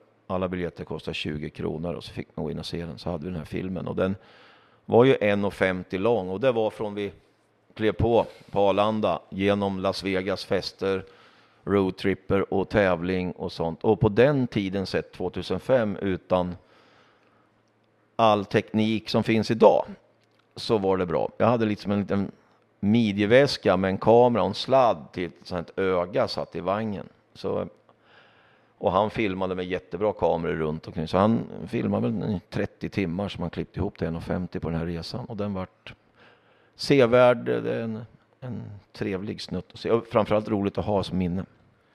Det kan jag tänka mig. Och när man får hyra en hel biosalong, alltså Nyköping som är en motor, motorstad ändå. Var det slut? så- Ja, det var slut. Det var lapp på luckan där och det var, ja, det var jättekul. Och, eh, det var ju liksom visa vad har vi upplevt. Det var ingen marknadsföring om man kollar fan vad bra jag är. Det var inte det det handlade om, utan det var så mycket annat runt omkring som gjorde att man fick se problematiken och att det är lite, det är annorlunda. Ja, och den, vi, jag gick lite händelserna i förväg här. Var det 05 det hade strulat till sig på Arlanda? Ja, vi skulle ju skicka cykeln där och eh, innan eh, 2001 då när de eh, gjorde det här med torna i USA och lite annat. Då skickar man grejerna till London och så skannas de med magnetröntgen och sen skickas de till USA. Men nu eh, tog inte någon emot det. Man var tvungen att skanna allting i Sverige. Och skannern var 1,40 eh, och cykeln var 1,43. Så den gick inte igenom. Så då fick vi åka upp och fick vi gå in i det här tullområdet, strängt, under bevakning. Och man ska ju inte ha olja, man ska inte ha batteri, man ska inte ha bensin, man får inte ha någonting med. Och vi visste inte, ja men vi, vi får ställa han på sidan och trä innan. Så vi baxar bort den och så vänder vi den på sidan. Då har vi ju glömt och tömt förgasarna. Så det rinner ut då två deciliter soppa där inne i tullområdet med strängar, då, då trodde jag nog att han skulle få hjärtinfarkt på Bax Global, för han kände väl att nu blir det mångmiljonstämning. Men eh, vakten, eller vakterna, de var så intresserade så de, de hämtade lite papper och trasor och sopade bort det där lite snabbt innan fel människor fick se utspillet på. Så då hade vi tur igen. Ja, det, det hade ju varit fint. Stå fast Ja. i tullen i Arlanda. Eh, och sedermera, det var inte slut där, när vi skulle skicka hem den så la jag ner, jag hade köpt någon sån här indianskrud, ett indianreservat och lite skit. Så motorcykeln satt fast en månad i Chicago. För att det inte var deklarerat på kanen. Ja, det var kalsingar och strumpor och sånt. Ja, men det står ju teamkläder. Ja, men det här är ju kalsonger. Ja, mina meckar har inte bara t- t-shirt, de har även fillingar på sig. Så.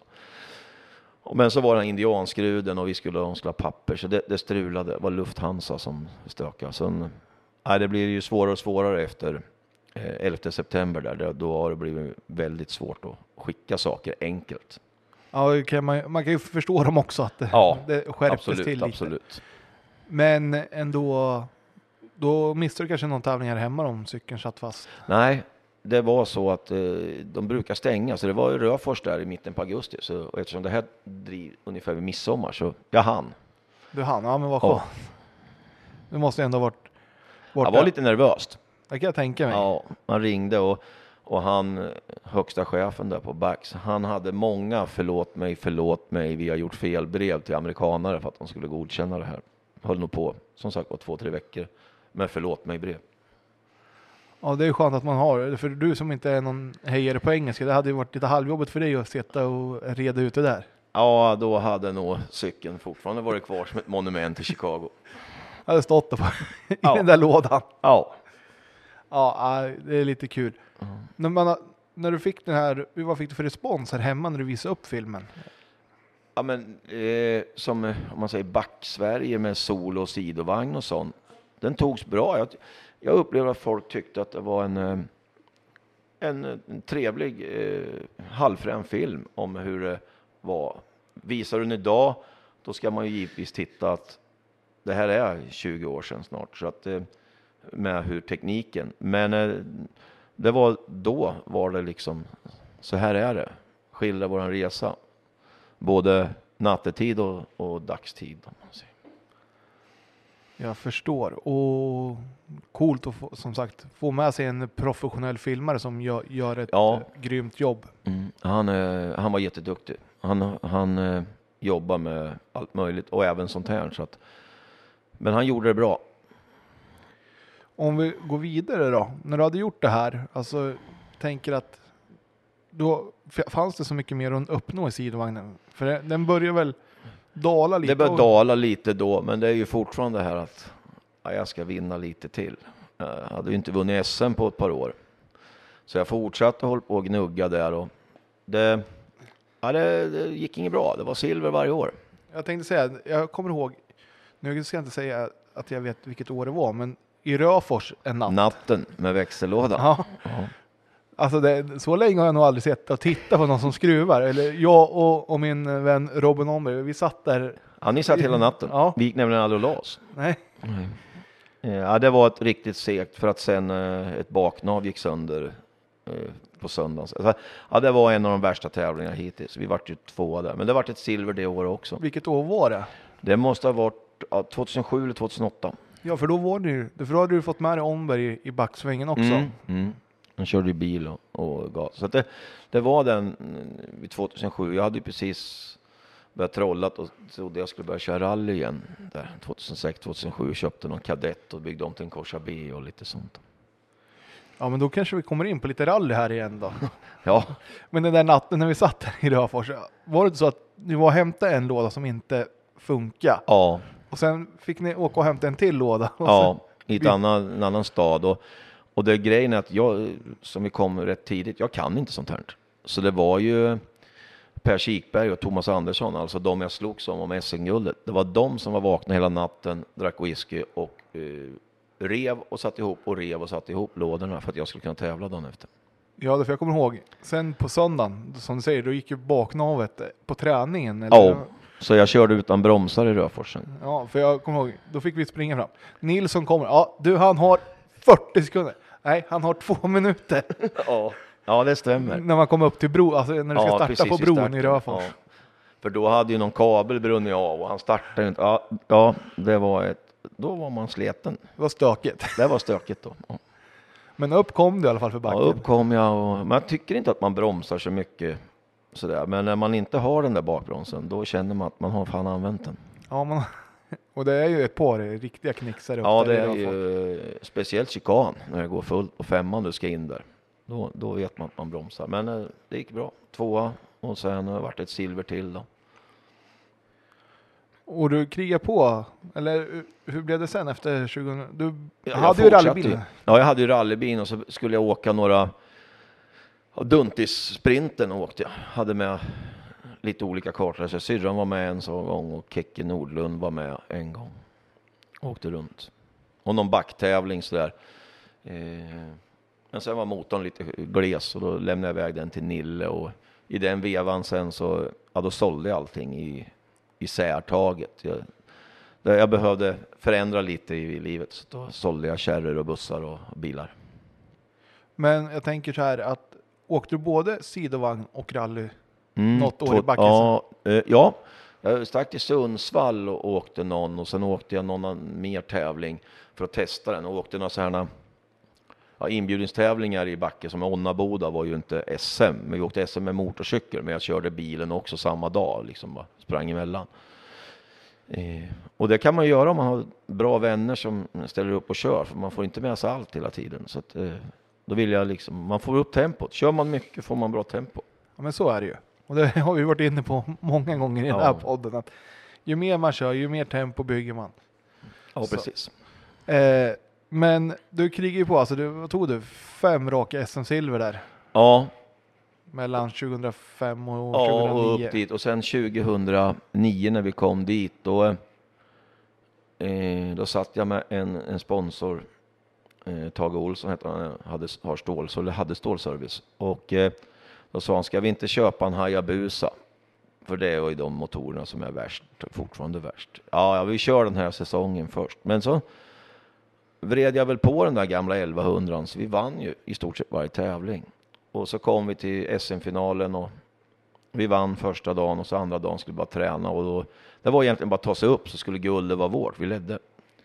Men eh, burkslaven, när jag slog i femman upp för backen Onnaboda, för den som vet hur det är, men det är en lång backe upp och sen svänger det vänster väldigt länge. Så tappade Burgslaven taget och cykeln gick upp på två hjul och jag tycker ju att det ser jämnt ut vid sidan av vägen, men det var, det var ett kalhygge så att det vart en jävla smäll så jag jag bröt, pulveriserade skulderblad, nyckelben ut genom, fram, ja, genom skinnet på framsidan och slog mig allmänt så att jag vart förlamad där ett par månader i armen. Och då fick jag silvret. Och eh, sen, sen var det rehab. Att överhuvudtaget kunna bre en smörgås eller torka sig i rumpan med rätt arm igen. Ja, är det den sto- första stora skadan du ådrog dig? Enda Enda också? avåkningen. Och största.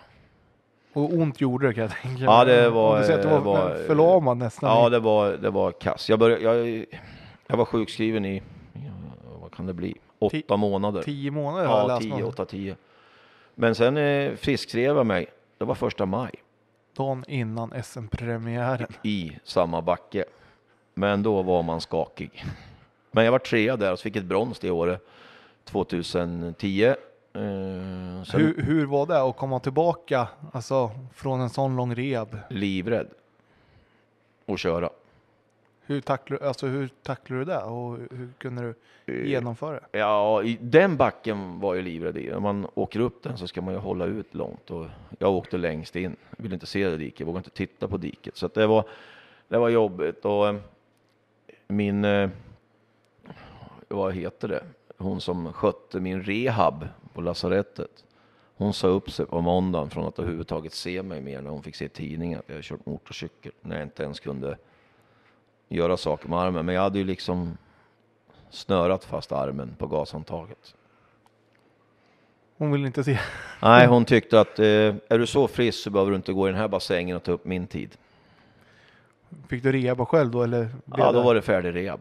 då var det klart. Ja, Då var du ju frisk. ja, Ja, ja. Ja, men ändå starkt till sig ett brons där. ja men det, det kändes så. Och då så ringde jag till eh, ja, den här Tage då, som hade pratat om Hayabusa och satte mig hemma. Och vi tog fram lite mat och någon dryck till och gjorde inte så mycket mer. Så sa han bara, jaha, vad kostar motorn? Eh, vad menar du? Ja, varför är jag annars här? Eh, ja, den, jag har hittat den, kostar så här och så här mycket. Okej, jag skriver ut en check, sa han. Åk och köp den, så tar vi det där guldet. Och så byggde vi ordning cykeln och, och så tog vi guldet året efteråt. 2011. Då då, när du tog det där efterlängtade guld efter så mycket. Ja, det var bra. Då hade vi tio tävlingar det året. Jag vann nio. Hur var det att åka med en ny motor då? Alltså eh, ett Det annat var, märke? eh, det, var ju, det var ju Suzuki fortfarande, men en växel till och några... Och, alltså hela, botten, hela maskins motorprestanda var ett annat, så du kunde ju bara byta växel. Han orkar mycket som helst. Jag åkte med en road racing motor innan som skulle varva en 14 000 liksom. Så eh, där och då, då, nej det här, var det så här de har hållit på? Inte undra på det har varit stormigt att komma ifatt dem. Det var lite så. Ja, Du kände vilket handikapp du hade. Ja, exakt, exakt. Men då, där och då så vart det bra. Så 12, då tog jag silver. 13 tog jag silver. Och då slutade jag. Då sålde jag allt efter SM-finalen. Vann sista tävlingen eh, i Örebro. Och eh, Jag skulle säga att Örebro är din hemmabana för du tävlar ju för tekniskt. Ja, jag körde för tekniskt. Eh, Jag är ju Nyköpingskille, men jag tävlar för dem för att man fick träna hur mycket man ville och de engagerade sig i att man fick eh, göra det. Och av den anledningen så blev det att man kör för en klubb där man kan träna just det du behöver träna. Men så är det ju. Alltså det, det, är, det är ju en fördel att ha. Ja, de har ju ställt upp alla dagar i veckan och liksom man bara åka och testa så har de stängt av den där backen upp där och så. Ja, det är bra. Det är jättebra. Eh, om man säger så här, när du sålde allt, var du mätt på motorsport eller vad? Jag var jättemätt 2013. Nu var det klart, nu var det över. Eh, och kände bara ja. Och jag sålde skinnställ. Jag sålde precis allt för att inte ha en möjlighet att få någon sån här efterdyning. Och gjorde ingenting. Och sen, eh, och sen kommer vi till nästa kapitel 2014. Ja, vad hände då? Då fick du ett telefonsamtal va? Ja, då ringde Andreas Eriksson. Vi hade haft kontakt och jag hade hjälpt honom att, att hitta några bra mekaniker som hjälpte han i teamet. Men då ringde han mig på höstkanten och frågade om jag inte kunde flyga till Los Angeles. Och jag bara, och, eh, och det var GRC, Red Bull, Global Red Bull eh, rallycross där. Och då, eh, ja det kan, men vad ska jag, jag kan inte mecka. Du ska inte mecka. Vad ska jag göra då? Det berättar jag när du kommer. Så jag fick en biljett, satte mig på planet till London, London, Los Angeles, vart hämtad. Åkte ut dit och då fick jag reda på att jag skulle vara lite pappa åt en kille som heter Johnny Wiman i stort sett. En förare som var eh, jätteduktig, lovande, vunnit light-serien året innan, men det släppte liksom inte. Och så hade vi Patrik Sandell som körde den andra Forden då. Så skulle jag vara spotter till eh, Jonny Wiman bara för att få honom att tänka positivt. Eh, och se om jag hittar några grejer som jag vill ändra på och det gjorde jag. Men hur kom, det- hur kom det där samtalet? Var det bara från blixt från klar himmel? Eller Ja, lite. lite. Jag ville ju jobba med det här, var intresserad, men eftersom jag inte var någon mekaniker så visste jag inte hur jag skulle trassla mig in i det här. Men Andreas såg något och eftersom jag tävlat så mycket själv så såg han väl eh, hur jag är som människa och, och att jag har tävlingssinnet. För det krävs om du ska jobba med motorsport att du har tävlingssinnet kvar. Oavsett att du är duktig på någonting så måste du ha brinna för tävlingsgrejen också. Ja, men så är det ju. Och som sagt, coolt ändå att få en sån chans utan. Ja, det var, ju- det var eh, wow så. Men eh, vad- Wiman, var han finne eller? Han är finne, pratar svenska, kommer från eh, Josip Inomäkis organisation eh, som jobbade åt Andreas, eh, en duktig kille. Så han hade kört lights lite och sen fick han testa på stora. Han var ju bara 19 år. Så jag vart hans spotter och sen frågade jag efter en dag om jag fick säga något på lunchen. Och då eh, hade jag tittat hur de gjorde och sånt och sa du, det är en sak vi ska börja med nu. I den här hinken lägger ni era telefoner. Och det är du Patrik. och du Jonny. Och Patrik, du har två telefoner, så lägg båda här. För ni är mer intresserade att sitta och gå på Facebook än kolla på V-boxen i bussen, hur ni kör. Och då kommer ni aldrig vinna det här. Och eh, det vart ett känt uttryck. Eh, många efterhärmare tyckte det var bra. Eh, Jonny gick därifrån för att aldrig vara på pallen, var tvåa, trea den tävlingen. Och sedermera så var jag med i Seattle och Vegas och han vart mästare före Ken Block då. Alltså vilken resa. Alltså coolt att få med på en, en sån talangsutveckling. Ja, det var eh, riktigt roligt och han eh, uppskattade och det var eh, hela teamet och det var, eh, det var wow att lära sig och se och få vara med. Det är evigt tacksam att man fick möjligheten att flyga över där. Ja, och jag tänker, man lär ju knyta kontakter. Hur var det med engelskan här då när du... Ja, men det var ju, det är en del amerikanska meckar hade Andreas och sånt och lite engelsmän, men man hankar sig fram. Man kör sina lätta ord. Sen att man repeterar dem många gånger, det är ju en annan sak. Men, och det var ju lätt med, med Jussi. Eh, han pratar långsamt. Alltså det finns ju de som pratar snabb engelska och så finns det de som pratar långsamt. Skottar, helt omöjligt att förstå. Amerikaner lättare. Liksom, så att, ja. Och eh, Johnny pratar ju svenska. Så man behövde inte förklara hur man tänkte och tyckte om saker och ting på ett annat språk. Ja men det är ju skönt. Och som sagt att få, få med ett sånt stort team som MSC är också. Ja, så det var, eh, det var, ja, det var en wow och lärt känna många människor genom, genom det. Ja, jag kan tänka mig. Alltså, du började ju 2014 med det här. Ja. Och var det bara i USA det året? Då, det året var bara USA. Och så kom 15. Då eh, skulle jag vara i USA, men det var mycket VM. Och då hade vi ja, Backerud och vi hade eh, Nitis, Rennis Nitis och Timur, ryssen, i teamet på VM. Så då var jag spotter och Timur, just jag delade på det och sen, ja. Det måste ändå vara rätt häftigt att se en hel... Alltså för då var det ju när rallycrossen började växa sig lite större Ja, också. den började hypa då kan man säga. Eh, 15. Och Och- fjor, ja, redan 14. Det är liksom, VM var stort, det var många som körde. Och, ja. Och jag kan tänka mig, alltså när man är i ett sånt här professionellt team och man lär ju träffa en del rätt tävlingsinriktade människor. ja, alla har ju sin, sin specialitet. Det är ju inte en som är lik den andra. Och som jag sa innan, att det är väldigt många förare som är väldigt duktiga på bilen och den tekniska sidan och inställningar. Och många förare är det inte. Så det skiljer sig väldigt mycket så. Och fick du vara något i USA? Alltså det, vad är det som skiljer sig i rallycross-VM mot, vet du, om man säger X-games eller de här Global Rallycross-tävlingarna? Eh, det, det var egentligen ingenting då. Eh, inte rent körmässigt. Det är lite annorlunda bana. Den stora grejen var när vi kom till USA, när jag kom till USA, det var att du har ett sånt här jokerlapp. I USA så går det snabbare. I VM är det långsammare. Så när du ska ta det, till exempel tog du starten i, i finalen eller ett heat i USA, då tog du jokern direkt, för då utökar du. Men i Sverige gör du inte, eller i Europa och VM gör du inte så. Så det var en väldigt omställning och, och sen var det ju tio bilar i finalen och tio varv. Så det är mycket att hålla reda på. Vem har gjort och vem har tagit och var är vi? Det var eh, stökigt. Det kan jag tänka mig. Och man ska ha fokus på en bil, men du måste ändå klocka på de andra. Ja, du måste ju veta när de tog och varför. Och, och, ja, så man hade hjälp av varandra och, och, och Andreas var ju med där. Han hade ju hand om någon och så. så man vinner och förlorar som ett team. Man hjälps åt hela tiden. Hur länge var du hos Andreas där? Det var ju då eh, 14, då var jag där och sen 15 och sen var jag ett par tävlingar 16. Eh, och jag tänker, ni, Tanner Faust och de här, åk, de åkte väl också? Åkte de för Andreas? Nej, inte då. då. De hade precis slutat. Då började de köra eh, bubblorna. Okej, det var så det var. Mm.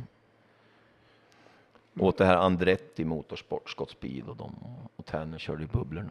Ja, just det. Det tror jag Joel Kristoffersson pratade någonting om, Ja. att de var med lite, lite där. Ja, Och de var ju, det var ju rena revolutionen, de där bubblorna. Det lät ju som Formel 1-bilar stundtals. Ja.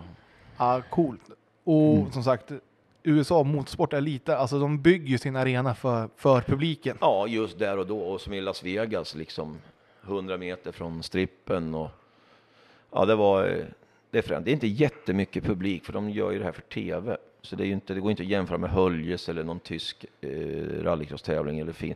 Så är det inte, men det är... Eh, det är ändå, de bygger det lite wow så. Det är mycket... Vilken tävling var det de hoppade för kort? Det var, vi var i eh, 2012 och tittade på X-Games i downtown Los Angeles. När Toppe Häkkinen hoppade lite kort och smack. Då var det ett sånt här gap emellan. Så han bam rakt ner med en av Andreas Fordar och sen Grönholm körde på, eh, vek ut ett hjul och flyttade in det i, i pedalstället i eh, en cement efter hoppet. Så då, då gick det två Fordar på en timme. Men då var vi bara där som åskådare. Det var första gången Andreas hade bjudit över oss då. Familjen, min familj och mina vänner. Så vi var där och tittade. Okej, så det var innan du, Ja, innan du började skruva alltså? ja. Där ser man. Vad heter det, när du sa att du bara skruvade ett par tävlingar 2016, var det att samarbeta och ett, eh, Eh, nej, men jag kände att det var, då skulle jag vara mycket i USA. Och när vi var mycket i USA, då flög man var 14 dag fram och tillbaka. Och det, det var inte riktigt... Man ska veta att det är mycket att orka med. Eh, så. Och, och sen vill jag ju säga, skruva, det vill jag absolut ta bort. Hålla på med däcken och lite annat, för mekaniker var jag ju inte. Men eh, det krävs lite folk runt omkring eh, på mycket olika poster och där inte någon annan hoppar in, där hoppar man in då. Så visst, man har hjälpt till, men eh, de här teamen som jag har varit i, de har så fantastiskt bra mekaniker så att även fast du kanske skulle så du, tar inte, du vill inte ta platsen från någon av dem och säga att ja, men jag vill göra det här. Utan, men vad var dina uppgifter då? Mental coach kan vi säga att ja, det var i början ja. och, spotter och lite hjälpa till. Alltså, det är mycket som händer och så. Och, Lite koordinator eller så. Ja, men ja, liksom fix och tricks så. Skön kille så. Ja. Men eh, sedermera sen nu när jag gick vidare till nästa team. Ja, när gjorde du det? Du, du... Det, var, det började egentligen 16 att Mattias Ekström ringde mig och frågade om jag kunde vara med. Men då hade jag sagt till Andreas att jag skulle vara där, så då sa jag nej. Eh, sen ringde Mattias 17 igen och då sa jag ja. Ja, för då hade samarbetet med... Ja, men då, då hade jag sagt nej, men det blir mycket och då var det inte USA. Mattias skulle ju köra VM. Det var Europa, kortare resor och sånt. Då. Så då, då valde jag eh, och sa ja direkt. Och jag hade ju berättat hemma att jag aldrig mer skulle hålla på med det här. Det sprack. Så, hur, hur förklarar du det sen då? ja, en sån här chans får man bara en gång i livet. Det är som han Dala-killen. Ja. En sån här chans får man bara en gång i livet. Ja, så jag, jag, då ville jag det. Och, eh, och därom med, eh, så kom ju mitt smeknamn Jesus i och med det i rallycrossvärlden. Så att, ja, Hur kom det sig då? ja, det var att Eh, cheferna på eh, EKS hade berättat att det skulle komma en kille som i stort sett kunde göra allting själv. Och eh, alla frågade när han skulle komma. Men han kom ju aldrig. Och ingen hade sett han. Och i, alla talade om han. Och då var det någon, en kille, Charlie Ahlberg, nere från Ljungby. Han bara, det måste fan vara Jesus som ska dyka upp här. Och sen var det Barcelona första tävlingen. Nej, jag dök inte upp. De satte upp tälten. Sen kom jag dagen efter. Var med på tävlingen. Skötte däck då. Och sen åkte jag hem med, med media på söndagen innan vi rev tälten. Sen var det jobbigt. Sen, sen Då han, var jag Jesus och svikaren och vad fan är det som händer? Ska han aldrig jobba den där jäveln? Du kom bara dit och glassa. Ja, det han. var så. Suntrip kallas det då. Man bara flyger in och ut. Man gör inget annat. Nej. Så det var, men ett, ett, ett, eh, vi var ju tre bilar och det var ett wow-team att komma till. Det var också jättetrevligt. Jag hade, har det jättebra. Jag säger, om vi ska, vilka var det som åkte för EKS då? Då var det Mattias eh, Toppi Häkkinen och så hade vi Rennis Nitis som körde en tredje bil. Och Nitis hade du haft i Olsberg också. Ja. Hur är, alltså om du skulle få säga så här, välja någon chaufför som du har jättelätt att jobba med som verkligen är så här. Jag har ju haft möjligheten att fått varit eh, bredvid Mattias, sett, lärt, ah, lyssnat, erfarenhet tagit in. Jag har varit med Johan Kristoffersson, den killen som i så många år man ville veta vad de hade för tryck och varför fick jag liksom vara med och vinna VM-guld med här 21. Och sen hade jag ännu mer hand om Andreas Backerud 19 när vi förlorade VM-guldet med samma poäng i Sydafrika. Och då var jag även spotter till han. Eh, så det är väl de tre förarna som har öppnat sig mest. Toppi har jag liksom ingen nit, nej jag har liksom inte varit så. Sen har jag eh, varit mycket runt Robin Larsson som är en, en wow-chaufför också nu på senare tid. Och nu har vi kört Nitro som jag var med halva första delen av det här året. Då. Så att, eh. Finns det någon så här riktigt arrogant här som man helst inte alltså, tänker att du, Nej, jag du, vet faktiskt inte. Du har inte en riktigt... del kommer man ju inte in på, en del är man inte med, men alltså eh, alla är ju olika individer, men jag, nej, jag kan inte säga att det är någon som är, jag ett ass liksom. Nej. nej. alla är trevliga och alla hälsar. Eh, var du än kommer så känner du alltid välkommen, tycker jag. Men det är ju jätteviktigt också att man har den, den eh, jargongen. Man ses ju ändå x antal helger. Exakt, och, och, teamet som sådant är ju, är uppbyggt. Vi har ju jätteroligt och vi har trevligt och vi umgås ju så mycket så det kan inte vara något pip och gnäll utan man ser fram emot det och sen har man eh, fokuserat men ändå trevligt. Och jag säger, som Mattias, han är ju en riktig perfektionist. Jag upplever jag honom som att eh, där ska det vara om man säger, om man jämför Olsberg och EKS, alltså Olsberg känns som att det är mycket, mycket mängd och Mattias är lite Ja, men det, det, det är jättetvå skilda saker. Eh, eh, om man säger så här, Mattias har sitt team, han har sin, vad han vill ha och hur det ska se ut och han driver det så. Eh, Omse har ju liksom, de bygger ju bilar, de vidareutvecklar, de har precis samma liksom tank, finish och allting. Det är bara att de är global större för de de utvecklar liksom en hel serie dessutom. Ja. Så att, eh, eh, med allt vad det innebär, liksom tillverkar, bygger sina konkurrenters bilar. Det går inte att jämföra, upplever jag det. Nej, men alltså det är bra beskrivning. För det tror inte jag många. Man ser det här som är ute på tävlingarna. Man ja. ser inte det här som ja. är innanför, Nej. innanför och inför alla tävlingar. Nej, precis som den här nya bilen ja, nu står det still vad den heter, men alltså Nitro elektrobilen som Andreas har byggt nu, 17 stycken, från, från sitt eget huvud kan man säga. Han har byggt en serie där bilarna håller och, och eh, han var väl den som startade liksom den här uppsjåsningen som jag pratade om i Backe med att ja, vi ska ha lite mer, det ska vara snyggt och sånt. För jättelänge sedan han åkte EM. Får det till en annan eh, nivå.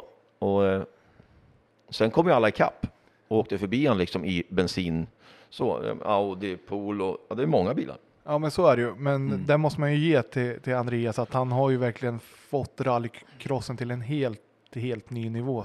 Ja definitivt och han, det är ju så, han, han vill ju att sin bil ska vinna och han kämpar ju, men han bromsar ju aldrig. Han har ju en ny tanke i huvudet hela tiden, upplever jag det. Och som sagt var det här senaste, det, han driver inte team, han driver en, faktiskt en fabrik för att vidareutveckla hela tiden. Ja det är coolt, det är riktigt coolt. Men om vi går tillbaka då, när du hamnade hos Mattias där i EKS. Ni var ju ändå med som du säger 2019 där och slog som om VM-guldet. Ja. Det måste ha varit extremt jobbigt att det skiter det var, sig Det var bland det värsta jag har varit med om. Där i Sydafrika. Och det var den här smällen och ja, vi skulle, vinner vi så vinner vi. Och vi tog starten i semin, vi tog starten i finalen, för jag hade sparat så in här. Vi hade, vi hade tre nya i finalen, det var ingen som hade så mycket nya däck. Andreas gör sina två bästa starter, alltså i reaktionstid. På hela helgen gör han de där två sista och får den där lilla smällen där vinklar ut, hugger i, grönan passerar och sen är vi tvåa. Och guldet är klart tills det är ett och ett halvt varv kvar. Då kör Timo Scheider in helt ensam i en däcktrav och sliter en framhjul. Så Timmy blir fyra istället för femma. Då vinner han på samma poäng. Jag tror inte det var sant. Det, där är, det tog ett år innan jag tittade på de där bilderna igen. Ja, det kan jag tänka mig. Andreas, han kollar på det än tror du? Eh, ja, alltså det, det är ju, wow, vi hade ju haft en stökig säsong. Började ju med den här riktiga påkörningen i Abu Dhabi när han jag stängde av huvudet. Han gjorde, det vart galet. Han körde rakt i sidan på Timmy mitt. Och det började där och vi låg efter, vi vart uteslutna och sen jobbade oss ikapp. eh, Och det var en riktig säsong med stolpe in, stolpe ut och det studsade kors och tvärs. Ja, för där finns det ju lite, alltså tv-bilderna där, därifrån Abu Dhabi. Att han kommer ut till start i, i en, Ja, Innan han vi hade lyckats gjort ordning bilen om de inte hade dels så höjde de den bara en halv meter när de skulle köra över trottoarkanten och slet den hjulet. Och sen var det några som hade felparkerat depån så det tog 20 minuter innan de fick in bilen. Visst, vi hade fått ordning på bilen. Vi fick ordning på bilen. Tyvärr så tappade han bromsverkan direkt och sen så ville de ju utesluta. Men då hade vi kommit i semi. Ja, lite poäng hit och dit och ja, vi hade tur i Kanada. Där vann vi och där Timmy missade finalerna för en jättekonstig, det var ett jättekonstig tid. Så att det var verkligen, herregud vilken jävla serie. en Hela stökig hopp serie. och förtvivlan hela tiden. Ja, men det var, ju- det var ju spännande för publiken. Ja, det, det var det. Så. Och, och sen 20, 2020 där så kom ju pandemin. Ja, och då vart det ju EKS JC gick ihop. Och då hade vi Mattias och Robin Larsson att tävla mot dem. Så då, det, också lite stolpe ut ibland sådär om man nu ska säga så. Men det vart ett silver med Mattias. Så det var ju, men silver är alltid ett silver. Ja, där har du tillräckligt många. Ja, jag har jättemycket silver. Jag vill inte ha silver. Jag har så mycket silver så kan jag göra en hel besticklåda snart. Exakt. Mm. Men sen till 21 då, för då kom var det sist, gick sista året med, med, Ja, med bensin, bensin. I, i VM va? Då körde ju Johan eh, en av Mattias Audi ihop med EKS och JC. Då. Och där hade vi ju lite otur. Det var kablar som har lossnat från tv-produktioner och varit uteslutna och kom ikapp igen. Och, eh, oerhört eh, wow-år igen. Och bara oj, vann vi. Ja, då fick ni ta, Då fick vi guldet. Det måste ändå varit yes. Ja, det var riktigt kul och, och eh, väldigt eh, intressant att jobba med, med dem som har varit ens konkurrenter i så många år. Och man har sneglat liksom vad de gör och så. Men där skötte ju däcken och, och eh, lärde mig mera ändå runt sådana tankar. Och, och Johan har, hade en strategi som många andra inte har haft och det var intressant. Men vad har du utvecklat som person under de här åren som du har varit med under rallycrossen? Eh, ja, jag vet inte. Jag tror jag utvecklar mig som person överhuvudtaget. Eh, att man jobbar i grupp och, och kämpar för något. Och sen är det ju det är oerhört adrenalin eh, i tag i sig själv. Du är med i, i, i tävlingsvärlden, får adrenalin, du är nära hennes centrum och, och får lön. Ja, det är kul. Ja, ja, jag menar, jag tänker att eh, ska du köpa en bil eller köra och, och, och få adrenalin så, eller vad du nu gör, så har jag, har jag ju haft lyckan och möjligheten att få vara med så nära så många och ändå eh, liksom få känna adrenalinet. Ja, det är ju superkul att, att få, få den känslan och få jobba med när man tycker det är riktigt skoj också. Ja, precis. Jag är ju helt övertygad om, om det är många som har varit i Höljes eller vilken rallycross-tävling som helst, att när folk går förbi tälten och tittar in, det är många som skulle kunna hugga av sig någon del av kroppen och betala en viss summa pengar för att få vara med sådär. Vi hade ju en stor grej med, med EKS som har gett folk som har fortsatt jobba. Vi hade Facebook-tävling för många år sedan. Man fick skicka in och bli gästmekaniker. Det var populärt. Du, det kan jag tänka mig. Det, var, det kom fransmän och det kom grabbar från Lettland och två killar från Riga. De har fortfarande, de jobbade åt Mattias förra året då på eh, Cupra-delen och var med och skötte hospitality och allt möjligt sånt.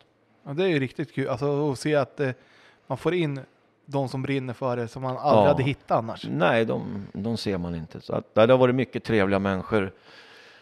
Det är väl den stora grejen. Mycket trevliga människor. Eh, många säger att man glider runt på en räkmacka. Det, det kanske man gör på bilderna stundtals, men det är mycket runt omkring.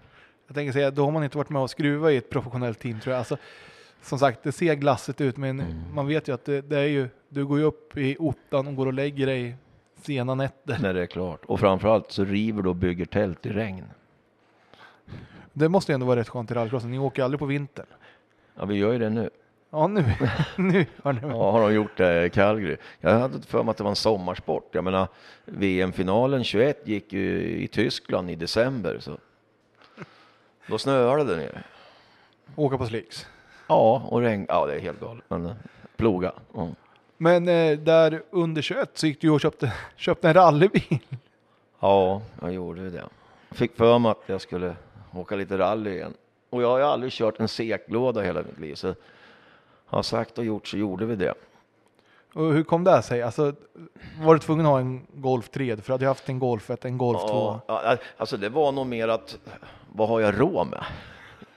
Och det var väl under den prisklassen jag kunde tänka mig att avvara. Och, och sen satt jag och jobbade mitt emot en kille som heter Rasmus Persson. Och, och, och hans gliringar och tjat gjorde att helt plötsligt stod jag där och kliade mig i huvudet. Fan, jag har ju köpt en rallybil. Ja, Hur gick den resan? Alltså när ni hämtade den där bilen? ja då, då googlar vi på vad, vad det kostar att det blixtrar plus att man pratar i telefon samtidigt. Med kärra. Med kärra för fort. Ja. Det blev, blev det en bra bild då? Eh, jag väljer att inte kommentera det. Du, var inte, du, du fastnade inte? Nej, Ja. Men vart var ni och hämtade bilen? Då? det var, åkte jag till Lima, till Sune Rickardsson och köpte den. Där ser man. Alltså- och så körde jag en tävling. Och, men sen eh, var det ju mycket eh, jobb. Jag slutade på företag jag jobbade på, så var det bara motorsport. Och att känna att jag är borta så mycket och sen komma hem och säga hej, jag ska åka en sprinttävling. Jag kommer hem. Det funkar inte och sen eh, kom det mycket andra intressen in från familjen som de ville göra. Eh, och då valde jag att, nej fan jag har ju kört den här golfen, det var ju skitbra och den är så jä- jättefin och allting, men för varje gång jag kommer använda den så kommer den gå sönder. ja, för du, du, hann du köra? Han du köra typ två träningar på Björshult? Ja, och sen då, körde jag en i Karlskoga på asfalt och sen körde jag gästabudet då. Och ett motorras på det. Ett motorras, ja, Karlskoga. Ja. Så det, det, då märkte du det med att skruva igen. ja, kort och intensiv karriär. Ja. Ja, det var, jag hade ju tur. Det var bara toppen och den gjorde ju en firma här i Nyköping i ordning då. Så det, det löste. Sen köpte ju en kille den som åkt jättefort med men han har också haft otur med ett motorras för ett motorfäste har gått av. Från Arvika, Oskar Jansson. Men jag tror att han, eh, han kan utnyttja den där bilen mycket bättre än jag kunde. ja, för hur var det att vara tillbaka i skogen när du åkte gästabudstrofén? ja, det var läskigt. Ja, men det var kul att växla.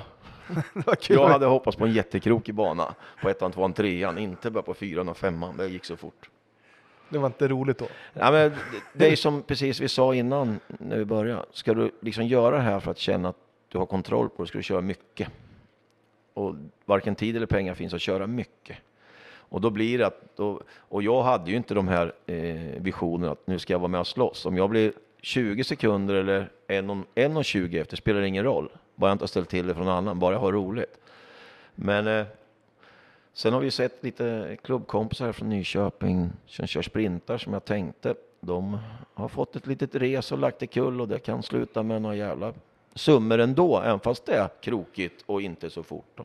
Ja, men så är det ju. Alltså, Ja. det, det, allting händer, det är som vi säger, allt händer så fort. Ja, och, i, eh, i motorsport. och, och där och då så faktiskt, jag trodde aldrig jag skulle få den känslan att jag inte måste tävla mer. Men det kändes som att fan, jag är nog klar, jag vill nog hjälpa de andra att komma rätt för att jag har gjort det där. Det blir inte mer. Det blir inte större än det var. Nej, jag tänkte säga, det är inte så mycket, det går ju inte att vinna någon större än ett VM-guld i motorsport. Nej, och jag har fått vara med de här killarna och, och framförallt lärt känna väldigt mycket människor.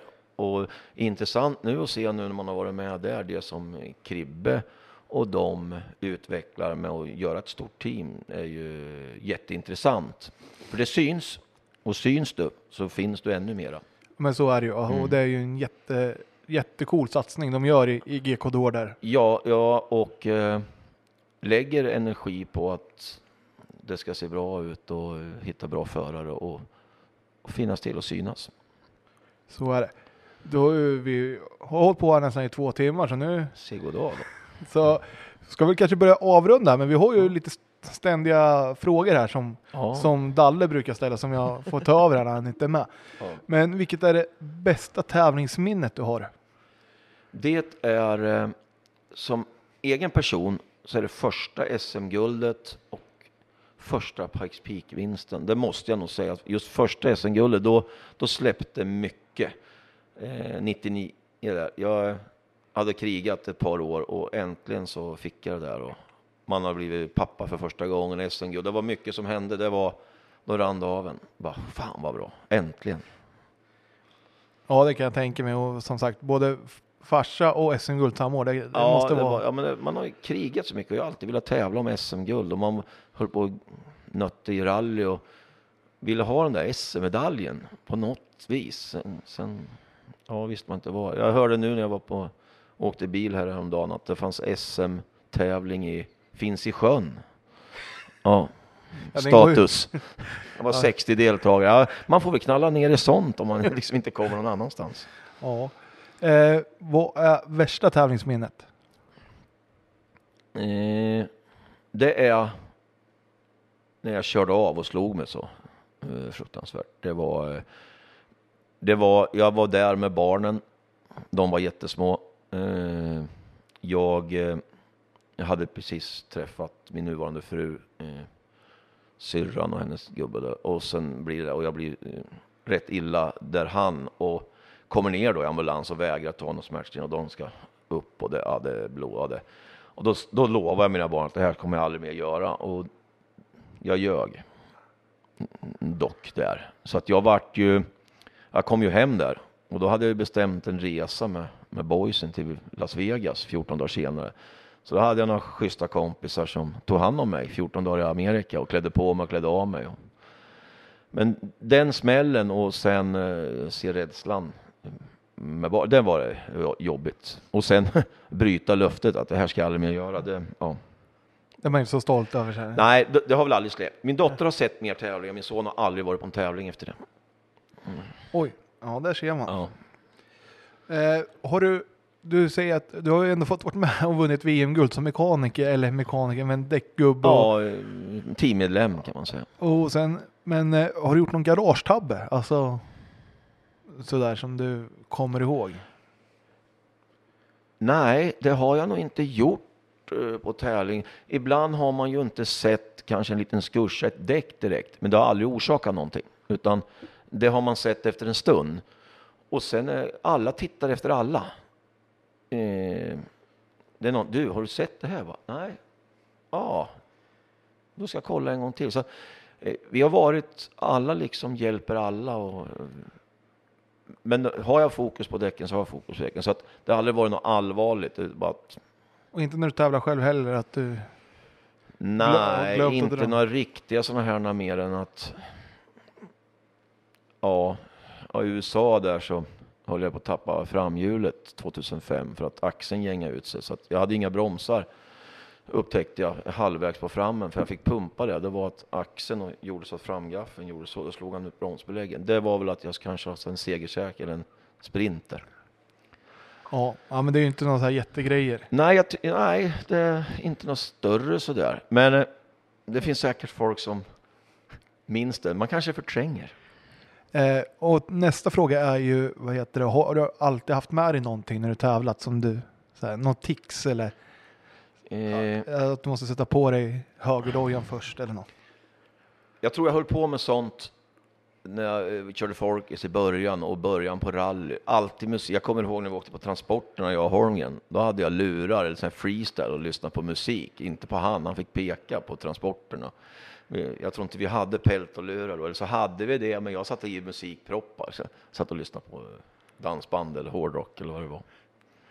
Så det hade jag mycket för mig. Och sen eh, hade min eh, farsa några jävla idéer för sig, han och Holmgren liksom. Vi kunde dra iväg här från Nyköping, jag jättetrött. Och sen så vi åkte så låg man och sov i bussen. Då bara tut tut.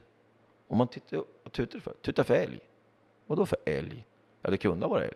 För att få mig så jävla förbannad så skulle vara alltså i överladdningsstart när SS1 startar så kan han hålla på och reta mig i 50 mil. Och Holma hängde ju alltid på så att ja. Schyssta Ja, kompisar. ja det, det var mycket sådana roliga grejer. Men annars tror jag inte jag haft några jättetics. Men eh, inte pratbar på motorcykel. Jag kunde möta min familj och de såg att jag tittade på, men jag såg dem inte. Det var så fokuserad. Och sen inte ha någon tjej som följde med fram till startplattan och åkte på cykeln och pussades lite som många andra hade. Bara, du, det där håller vi inte på med här. Här kör vi racing. Ja, eh, det är kul. Eh, vad har du haft för stor idol? Eh, per Eklund. Jag tror att hela min, att jag började det här vi pratade om folkrace, jag byta bil, köra motorcykel. Det gjorde han med, men han har inte kört sidovagn. Annars har han testat allt. Ja, men så är det ju. Ja. Och sen måste det varit rätt coolt att få göra Pikes Peak ihop med honom. Det var, eh, det var wow. Ännu större var att eh, första året där så hade han ju väldigt mycket människor och journalister med sig. Och då var Erik Karlsson på taket med. Så han sa, jag tar hand om grabbarna med motorcykeln. De kan vara med mig vid middagar och sånt. Så vi hade den möjligheten att få umgås med han i fem dygn. Eh, väldigt nära. Och det vart en bra kompisrelation för han hörde av sig sen när han hade sett resultat och sånt. Så det, ja, eh, en riktig legend. Ja, det är ju. Det är en riktig Ja. kulturbärare inom svensk Ja, jag menar du kunde gå i, i eh, Pikes Peak-berget i depån där och det kom fram ungdomar och ville autograf och det syntes. och Det fanns liksom inte att just han var Erik Karlsson på taket. Liksom. Det är större än man tror. Faktiskt. Eh, vilken är den snyggaste rallybilen någonsin?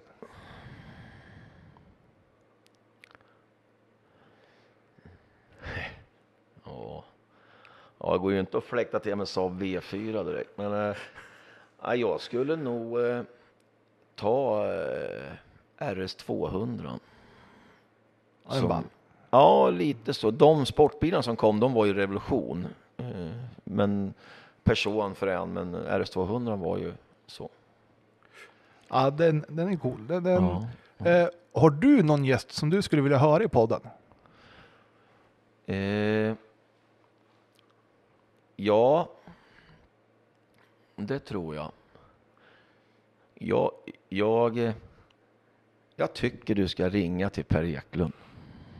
Du tycker det? Ja. Jag tror han skulle ta den. Eh, faktiskt. Och sen eh, lite skulle man nog kunna höra insikten. Nu har jag ju landat på rallycross-sidan. Men eh, att åka till Nynäshamn, om han överhuvudtaget är hemma en dag, så skulle det komma upp mycket, mycket anekdoter och roliga saker. Andreas menar du? Ja. Ja, men han har ju ett par SM-guld i rally och så också så. Ja, han har gjort resan och han, har någon varit galen? Sa han. Bara den där med fokusen var det väl i svenska. Ja, han tog den i, i trät. När Henriksson var med, han vart väl halvralslig då i den Ja. rullningen. Mm. Ja, men han har gjort mycket och han har gjort mycket för sporten. Ja, det, det har han. Och han hade ju det här Flexi Fuel Cupen i rally också. Så, det, Ja, ja. så han har gjort mycket för rally också. ja precis. Jag säga. precis. Så att det, det är väl sådana att se sidan från eh, den andra sidan. Ja.